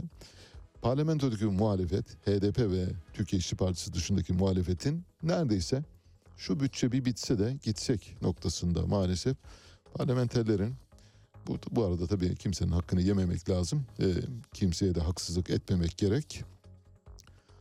Cumhuriyet Halk Partisi içinde iki elin parmakları kadar, İyi Parti'de de bir elin parmakları kadar maaşını hak eden, gerçek anlamda parlamenterlik görevini yapan kişi var. HDP'nin tamamı bu görevi yerine getiriyor hakkıyla. Türkiye İşçi Partisi'ndeki milletvekillerinin de tamamı bu görevi yerine getiriyor. Eğer gerçek anlamda muhalefet gerçek muhalefet görevini yapmış olsaydı şu anda bu bütçede o kadar çok şey konuşulabilirdi ki bütçe sadece Süleyman Soylu'nun muhalefete yönelik siz Amerikan çocuklarısınız hikayesi etrafında dalgalanarak gidiyor. Bütün hikayeyi bunun üzerine kurdular. Süleyman Soylu bir söz söyledi. Herkes çıkıp Süleyman Soylu'nun bu sözüne karşı yok biz değiliz sensin gibi. Böyle mahallede çocukların birbirlerine karşı yaptıkları atışmaların önüne geçmeyen, zeka pırıltısı olmayan şeyler sergiliyorlar. Oysa çok basit. Her şeyin bir argümanı var, karşı argümanı. Mustafa Varank'ın biz şunda şunda şunda şunda birinciyiz argümanına karşı biz bunlarda bunlarda bunlarda bunlarda sonuncuyuz diye bir argüman geliştirmek mümkün ama maalesef öyle bir hareket göremiyoruz. İşte bu yüzden de biz maden kazalarında, trafik kazalarında, demiryolu kazalarında dünyanın sayılı ülkelerinden biri haline geldik. Türkiye'deki maden kazalarının şöyle küçük bir dökümünü size sunmaya çalışacağım. Bugüne kadar mesela 1983 yılında Armutçuk'ta bir grizu patlaması oldu. Zonguldak Armutçuk'ta ve 103 madenci hayatını yitirdi. 1983. 1990 yılında Amasya Yeniçeltek'te bir maden patlaması oldu. 65 işçi göçük altında kaldı. 1995'te Yozgat Sorgun'da bir maden şirketinin e, bulunduğu yerde daha doğrusu Grizu patlaması oldu. 38 kişi hayatını kaybetti. 2003'te Karaman Ermenek'te bir maden faciası oldu. Kömür madeni. 10 işçi hayatını kaybetti. 2004'te Kastamonu Küre'de bakır madeni de bir yangın meydana geldi. 19 işçi içeride kaldı. Yanarak öldü. 2009'da Bursa Mustafa Kemal Paşa'da bir maden grizu patlaması oldu kömür madeninde 19 işçi hayatını kaybetti. Bakın rakamları sayıyoruz. Hani böyle rakam arka arkaya rakamları sıralıyoruz. Bunların her biri bir can ve biz bunları birer istatistik olarak sunuyoruz. Stalin'in dediği gibi tek bir ölüm trajedi ama bin ölüm sadece istatistikten ibarettir. İşte bu istatistiğe dönüşüyor maalesef. İstatistiğe dönüştüğü için de düzeysiz bir şeye doğru gidiyor. Yani biz buna anlam yükleyemiyoruz maalesef. Devam ediyorum. 2010 yılında Odaköy, Balıkesir Odaköy'de bir maden kazası oldu ve 17 kişi toprağın altında kaldı. Arkasından meydana gelen göçüklerde de aynı madende hemen arkasından meydana gelen göçüklerde de yeni işçiler toprak altında kaldı. Karadon'da, Zonguldak Karadon'da yine bir maden kazasında 2010 yılında 30 kişi madende kaldı. Toprak cesetleri orada. 2010 yılında Edirne Keşan'da yine bir madende çıkan yangında 3 kişi hayatını kaybetti. 2013'te Zonguldak Kozlu'da bir metan gazı patlamasıyla 8 işçi hayatını kaybetti. 2014'te Manisa Soma'da meşhur Türkiye'nin en büyük maden kazası ve dünyada da en büyük kazalardan bir tanesi. 301 madenci hayatını kaybetti. Madencileri yerde tekmeleyen Başbakanlık müşaviri, Başbakanlık danışmanı Yusuf Yerkel de şu anda nerede? Strasbourg'da ticari ateşi olarak bulunuyor. 2014'te Karaman Ermenek'te bir kömür madeninde su baskını meydana geldi ve 18 işçi boğularak öldü. 2014'te Bartın Amasra'da meydana gelen kazada 4 işçi, ikisi yabancı, Çinli hayatını kaybetti. 2016'da Şirvan'da Turgay Ciner'e ait bakır madeninde bir kaza meydana geldi ve 16 işçi toprak altında kaldı. Pek çoğunun cesedi çıkarılamadı. 2022'de Bartın'ın Amasra ilçesinde son kazadan bahsediyoruz. 41 işçi hayatını kaybetti ve o günden bugüne herhangi bir şekilde bu davada bir ilerleme kaydedilemedi maalesef. Zaten süreç Osman Kavala'nın tutukluluğunun sürdürülmesi üzerine kurulmuş. Aynen. Bu tutukluluk devam etmesi için hukuka karşı verilen bir mücadele haline girmiş durumda. Merkez Bankası'nın son aylarda izlemiş olduğu para politikası doğrudan enflasyonda bu sıçramaya yol açtı. E, yani ve de, devamı da gelecek. Ülkeyi aslında öyle yönetiyorlar ki adeta koca bir survivor oyunu gibi. Bugün için önemli olan husus Türkiye'de bu sistemin değişmesidir. Bu sistem yani Cumhurbaşkanlığı hükümet sistemi Evet. maalesef uygulama aşamasında kağıt üzerinde durduğu gibi durmadı. Ali Çağatay'la Seyir Hali hafta içi her sabah 7 ile 9 arasında Radyo Sputnik'te. Evet, yeniden birlikteyiz. Şimdi bir telefon bağlantısı yapacağız. Telefon bağlantısı saatimiz geldi. Dün akşam bütçe görüşmeleri sürerken İçişleri Bakanlığı, Bilim Sanayi ve Teknoloji Bakanlığı ve Milli Eğitim Bakanlığı bütçeleri görüşülürken o arada bir korsan torba yasa geldi. Bu torba yasayla zeytinliklerin köküne kibrit suyu ekileceği anlaşıldı. Çok sayıda zeytinliğin madenciliğe kurban edileceği ortaya çıktı. Elbette madencilik de yapılmalı. Elbette madencilik de önemli bir uğraştır. Elbette madencilik de ülkelerin zenginleşmesi bakımından gereklidir. Ancak maden aranacak yerler için eğer o ülkenin doğal güzelliklerini ve varlığını tarımsal e, birikimini, zenginliğini ortadan kaldırıyorsunuz o zaman başka bir şey yapıyorsunuz. Bir, bir zenginliği başka bir zenginlikle ikame edemezsiniz. İkisinin yeri ayrıdır. Elbette maden aranacak yerlerde zeytinlik olabilir. Zeytinlikleri ortadan kaldıralım, maden arayalım dediğiniz zaman iş başka bir noktaya doğru gidiyor. Şu anda bütün zeytinciler ayakta. Zeytin üreticileri ayakta. Bunları konuşacağız. Telefon hattımızda Ayvalık Zeytin Üreticileri Derneği Başkanı Aydın Şensal var. Aydın Bey hoş geldiniz. Aydın Bey hoş geldiniz. Aydın Bey duyabiliyor musunuz beni?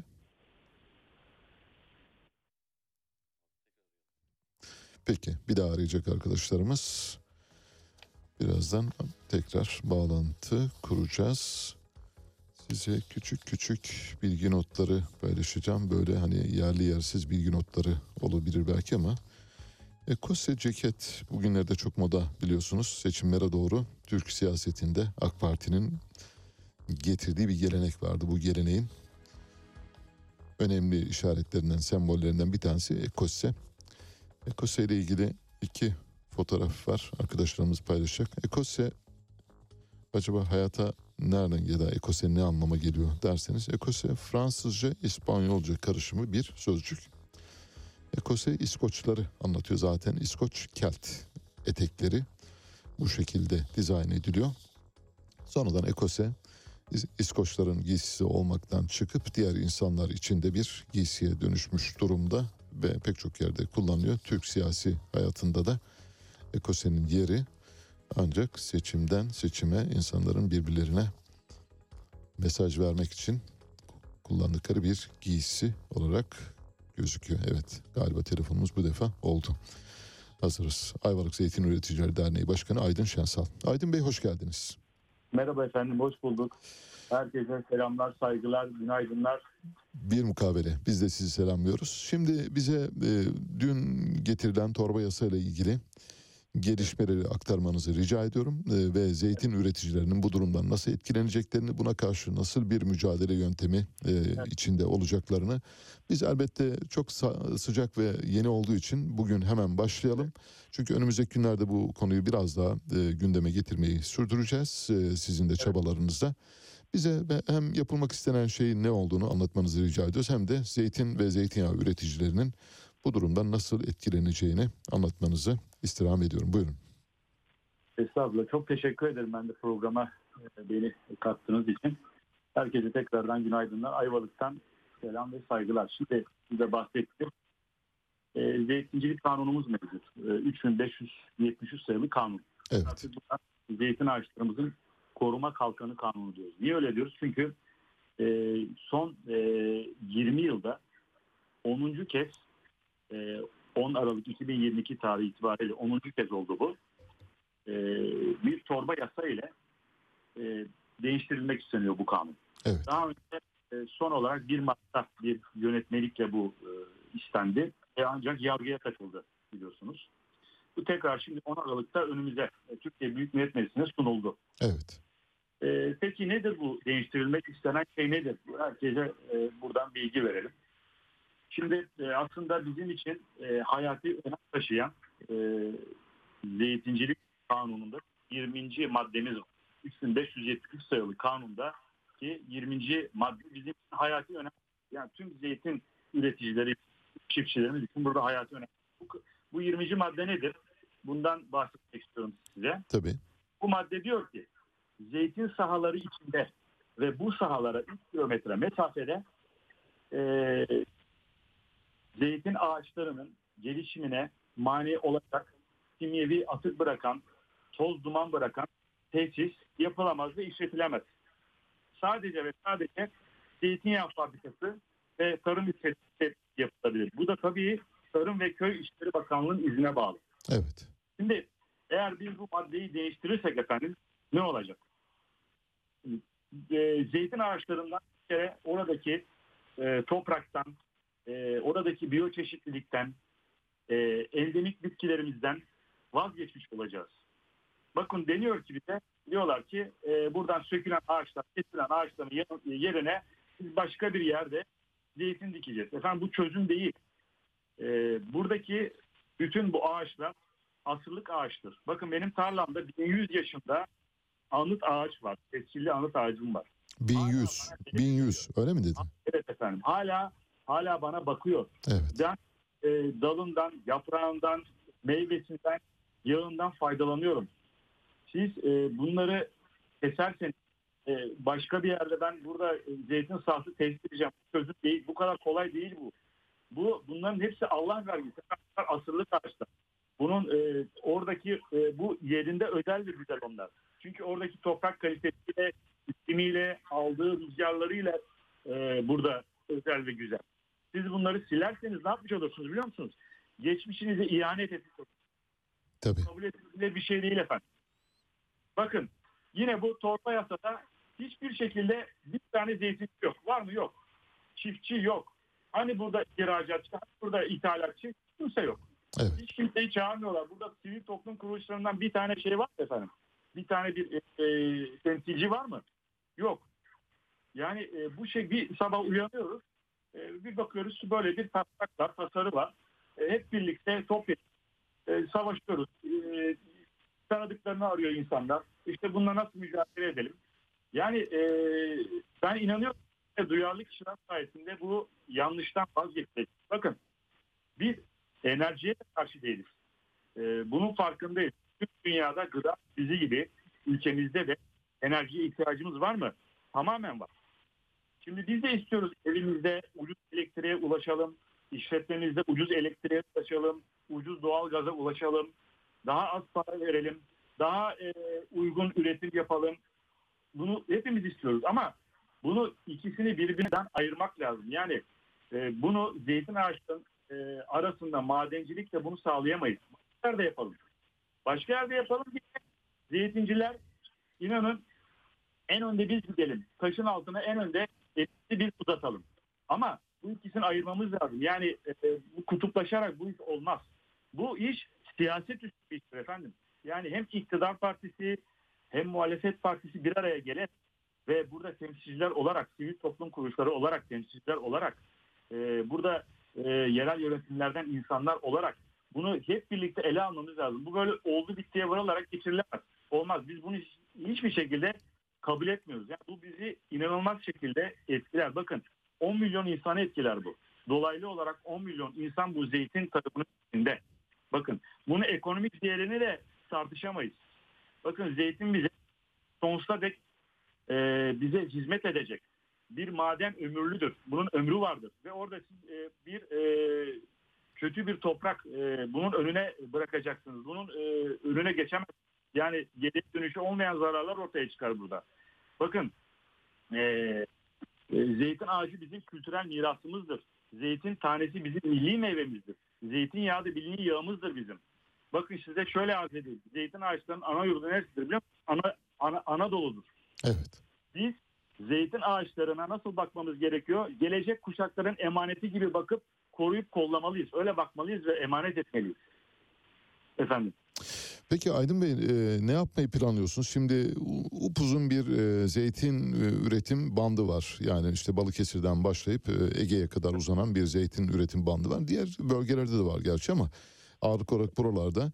Nasıl bir örgütlenme yapmayı düşünüyorsunuz ya da ne yapılabilir ki örneğin bölge milletvekillerinin tümünün de desteği alındığı takdirde ancak başarıya ulaşabilir? Yoksa üreticinin e, sadece bu cılız sesiyle, cılız diyorum çünkü üreticinin sesine kimse e, herhangi bir şekilde e, dikkat etmiyor ya da önem vermiyor. O sebeple bu laftan öteye gitmeyebilir. Yani bizim şu yaptığımız yayından öteye gitmeyebilir ve mukadderat tek başımıza çok kısa zamanda gelebilir. Bu bakımdan neler yapmayı düşündüğünüzü ya da nasıl bir plan çerçevesinde hareket etmelisiniz ki e, sonuç alabilirsiniz. Evet. Biz şimdi yine her zamanki gibi e, tüm buradaki sivil toplum örgütleri, e, Körfezimizde, Edremit Körfezi'nde Zeytin Üreticileri Federasyonumuz, e, Ayvalık olarak dernek olarak, Zeytin Üreticileri Derneği, olarak, ben de başkanı olarak tabii ki e, tüm kom, kamuoyunu bilgilendirmeye çalışıyoruz ve bu yanlıştan geri dönülmesini istiyoruz. Bu e, tabii ki hem iktidar milletvekilleri hem muhalefet milletvekilleri birlikte e, ortak e, görüş çerçevesinde buradaki işte bir tarafta çiftçi, ithalatçı, ihracatçı, burada sivil toplum kuruluşlarından temsilciler, oda ve borsalardan temsilciler. Bu her zaman olduğu gibi e, Ulusal Zeytin ve Zeytinyağı Konseyi'nden temsilcilerle birlikte bu iş çözülür. Yani bu tek taraflı olacak bir iş değil. E, mesela ben e, Change.org'da bir kampanya yaptım. Evet. E, belki duymuşsunuzdur. Şu anda 475 bin imzayı geçti efendim. Yani e, sesimizi duyurmak için e, herkesi bilgilendirmeye çalışıyoruz. Bakın bu yanlıştan geri dönmesi e, gerekiyor. Artık nihai şekilde bu yanlıştan geri çekilmesi gerekiyor. Herkesin duyarlı bir şekilde buna e, dikkat buyurması gerekiyor. Ancak bu şekilde biz bundan e, bu yanlıştan geri dönebiliriz. Hangi, hangi bölgeleri kapsıyor Aydın Bey? E, nereleri kapsıyor? E, bölge tespiti yapabildiniz mi? E, e, şimdi bu bu e, tabii ki bu e, kanun çıkarsa genelleme olacak burada. Yani bizim korktuğumuz taraf o. Burada genelleme olacak ve tüm zeytin bölgelerini kapsayacak. Yani korkulan şey bu. Yani bu yanlıştan bir an önce vazgeçilmesi gerekiyor. Yani şu anki haliyle e, lokal bazı yerleri kapsıyor anladığım kadarıyla.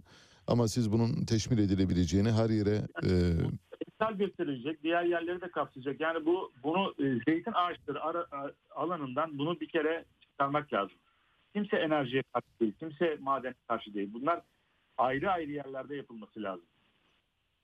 E, Bir eylem planlamanız lazım yani bu- şekilde e, herhalde vazgeçeceklerini düşünmüyorsunuz zannediyorum. E, Ne yapmayı düşünüyorsunuz? Yani biz, biz bir kere zaten bu şeyden vazgeçmeyeceğiz. Eylem planımızı hazırlıyoruz. Tüm oda borsalarımızla konuşuyoruz. Ulusal Zihin Konseyi de harekete geçti. Edremit Körfezi'nde bizim bulunduğumuz yerde federasyonumuz harekete geçti. Bütün derneklerimiz harekete geçti. Temaslarımızı yapıyoruz. Sizin gibi duyarlarla, gazetecilerimizle, televizyoncularımızla yani bunun e, önemini herkese anlatmak için e, buradan e, si- sizin sayenizde de duyurmuş olduk. Çok çok teşekkür ederim size.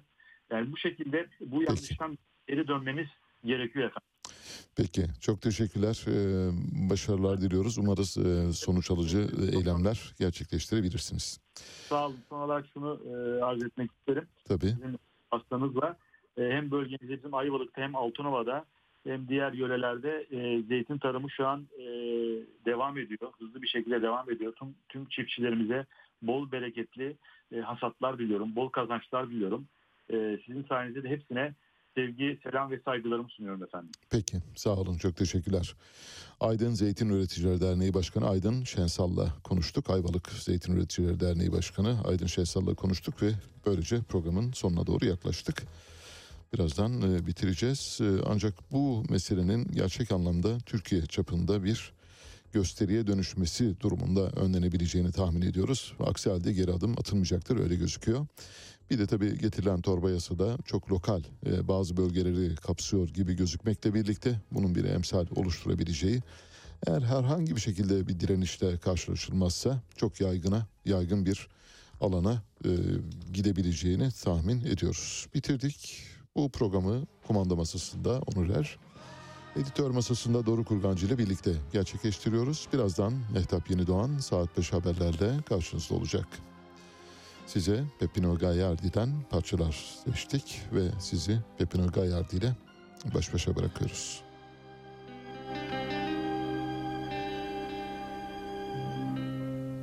Sono tornate le viole qua giù,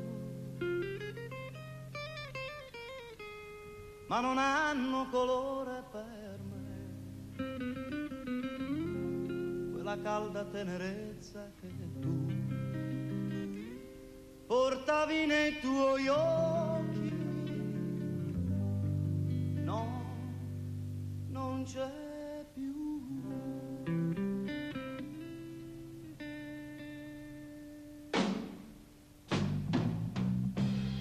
come le viole anche tu ritornerai.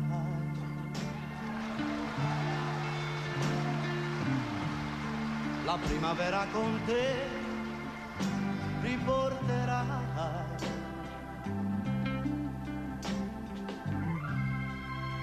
Avevi la mia vita, avevi la mia vita fra le tue braccia.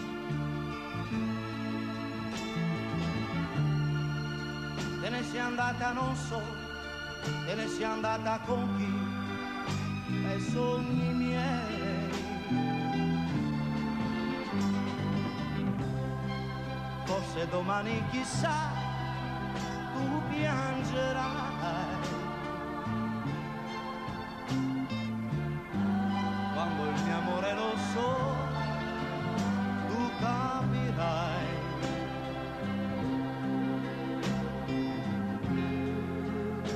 Rifioriranno tante primavere.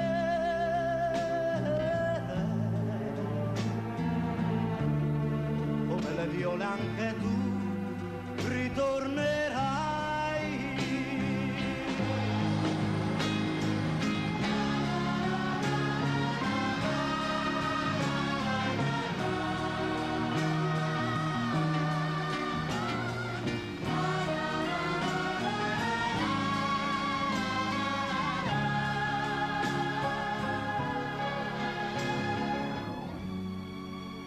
fioriranno tanto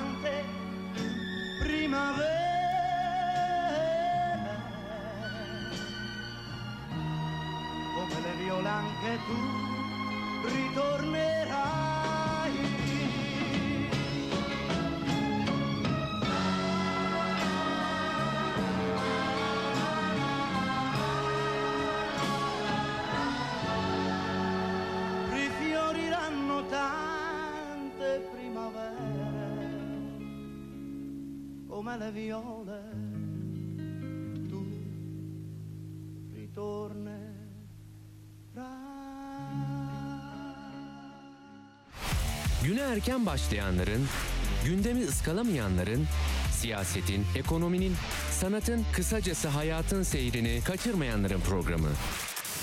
Ali Çağatay'la Seyir Hali hafta içi her sabah 7'den 9'a Radyo Sputnik'te.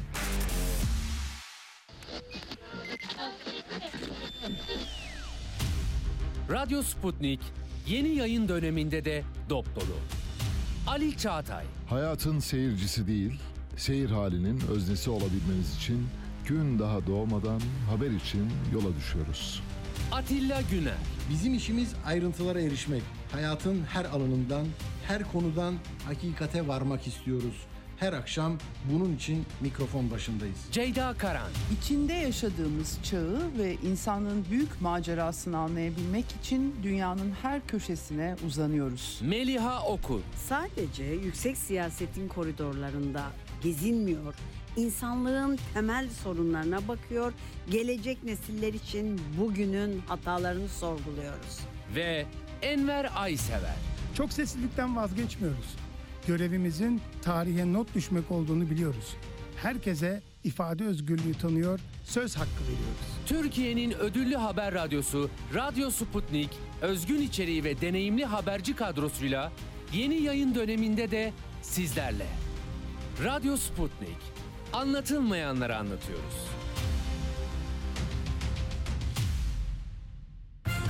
Radyo Sputnik artık dünyanın en çok kullanılan sosyal ağlarından biri olan Telegram'da. Hala kullanmıyorsanız önce Telegram uygulamasını mobil cihazınıza yükleyin. Ardından Radyo Sputnik'in Telegram kanalına katılın. Canlı yayınlarımızı ve programlarımızı kaçırmayın. Anlatılmayanları anlatıyoruz.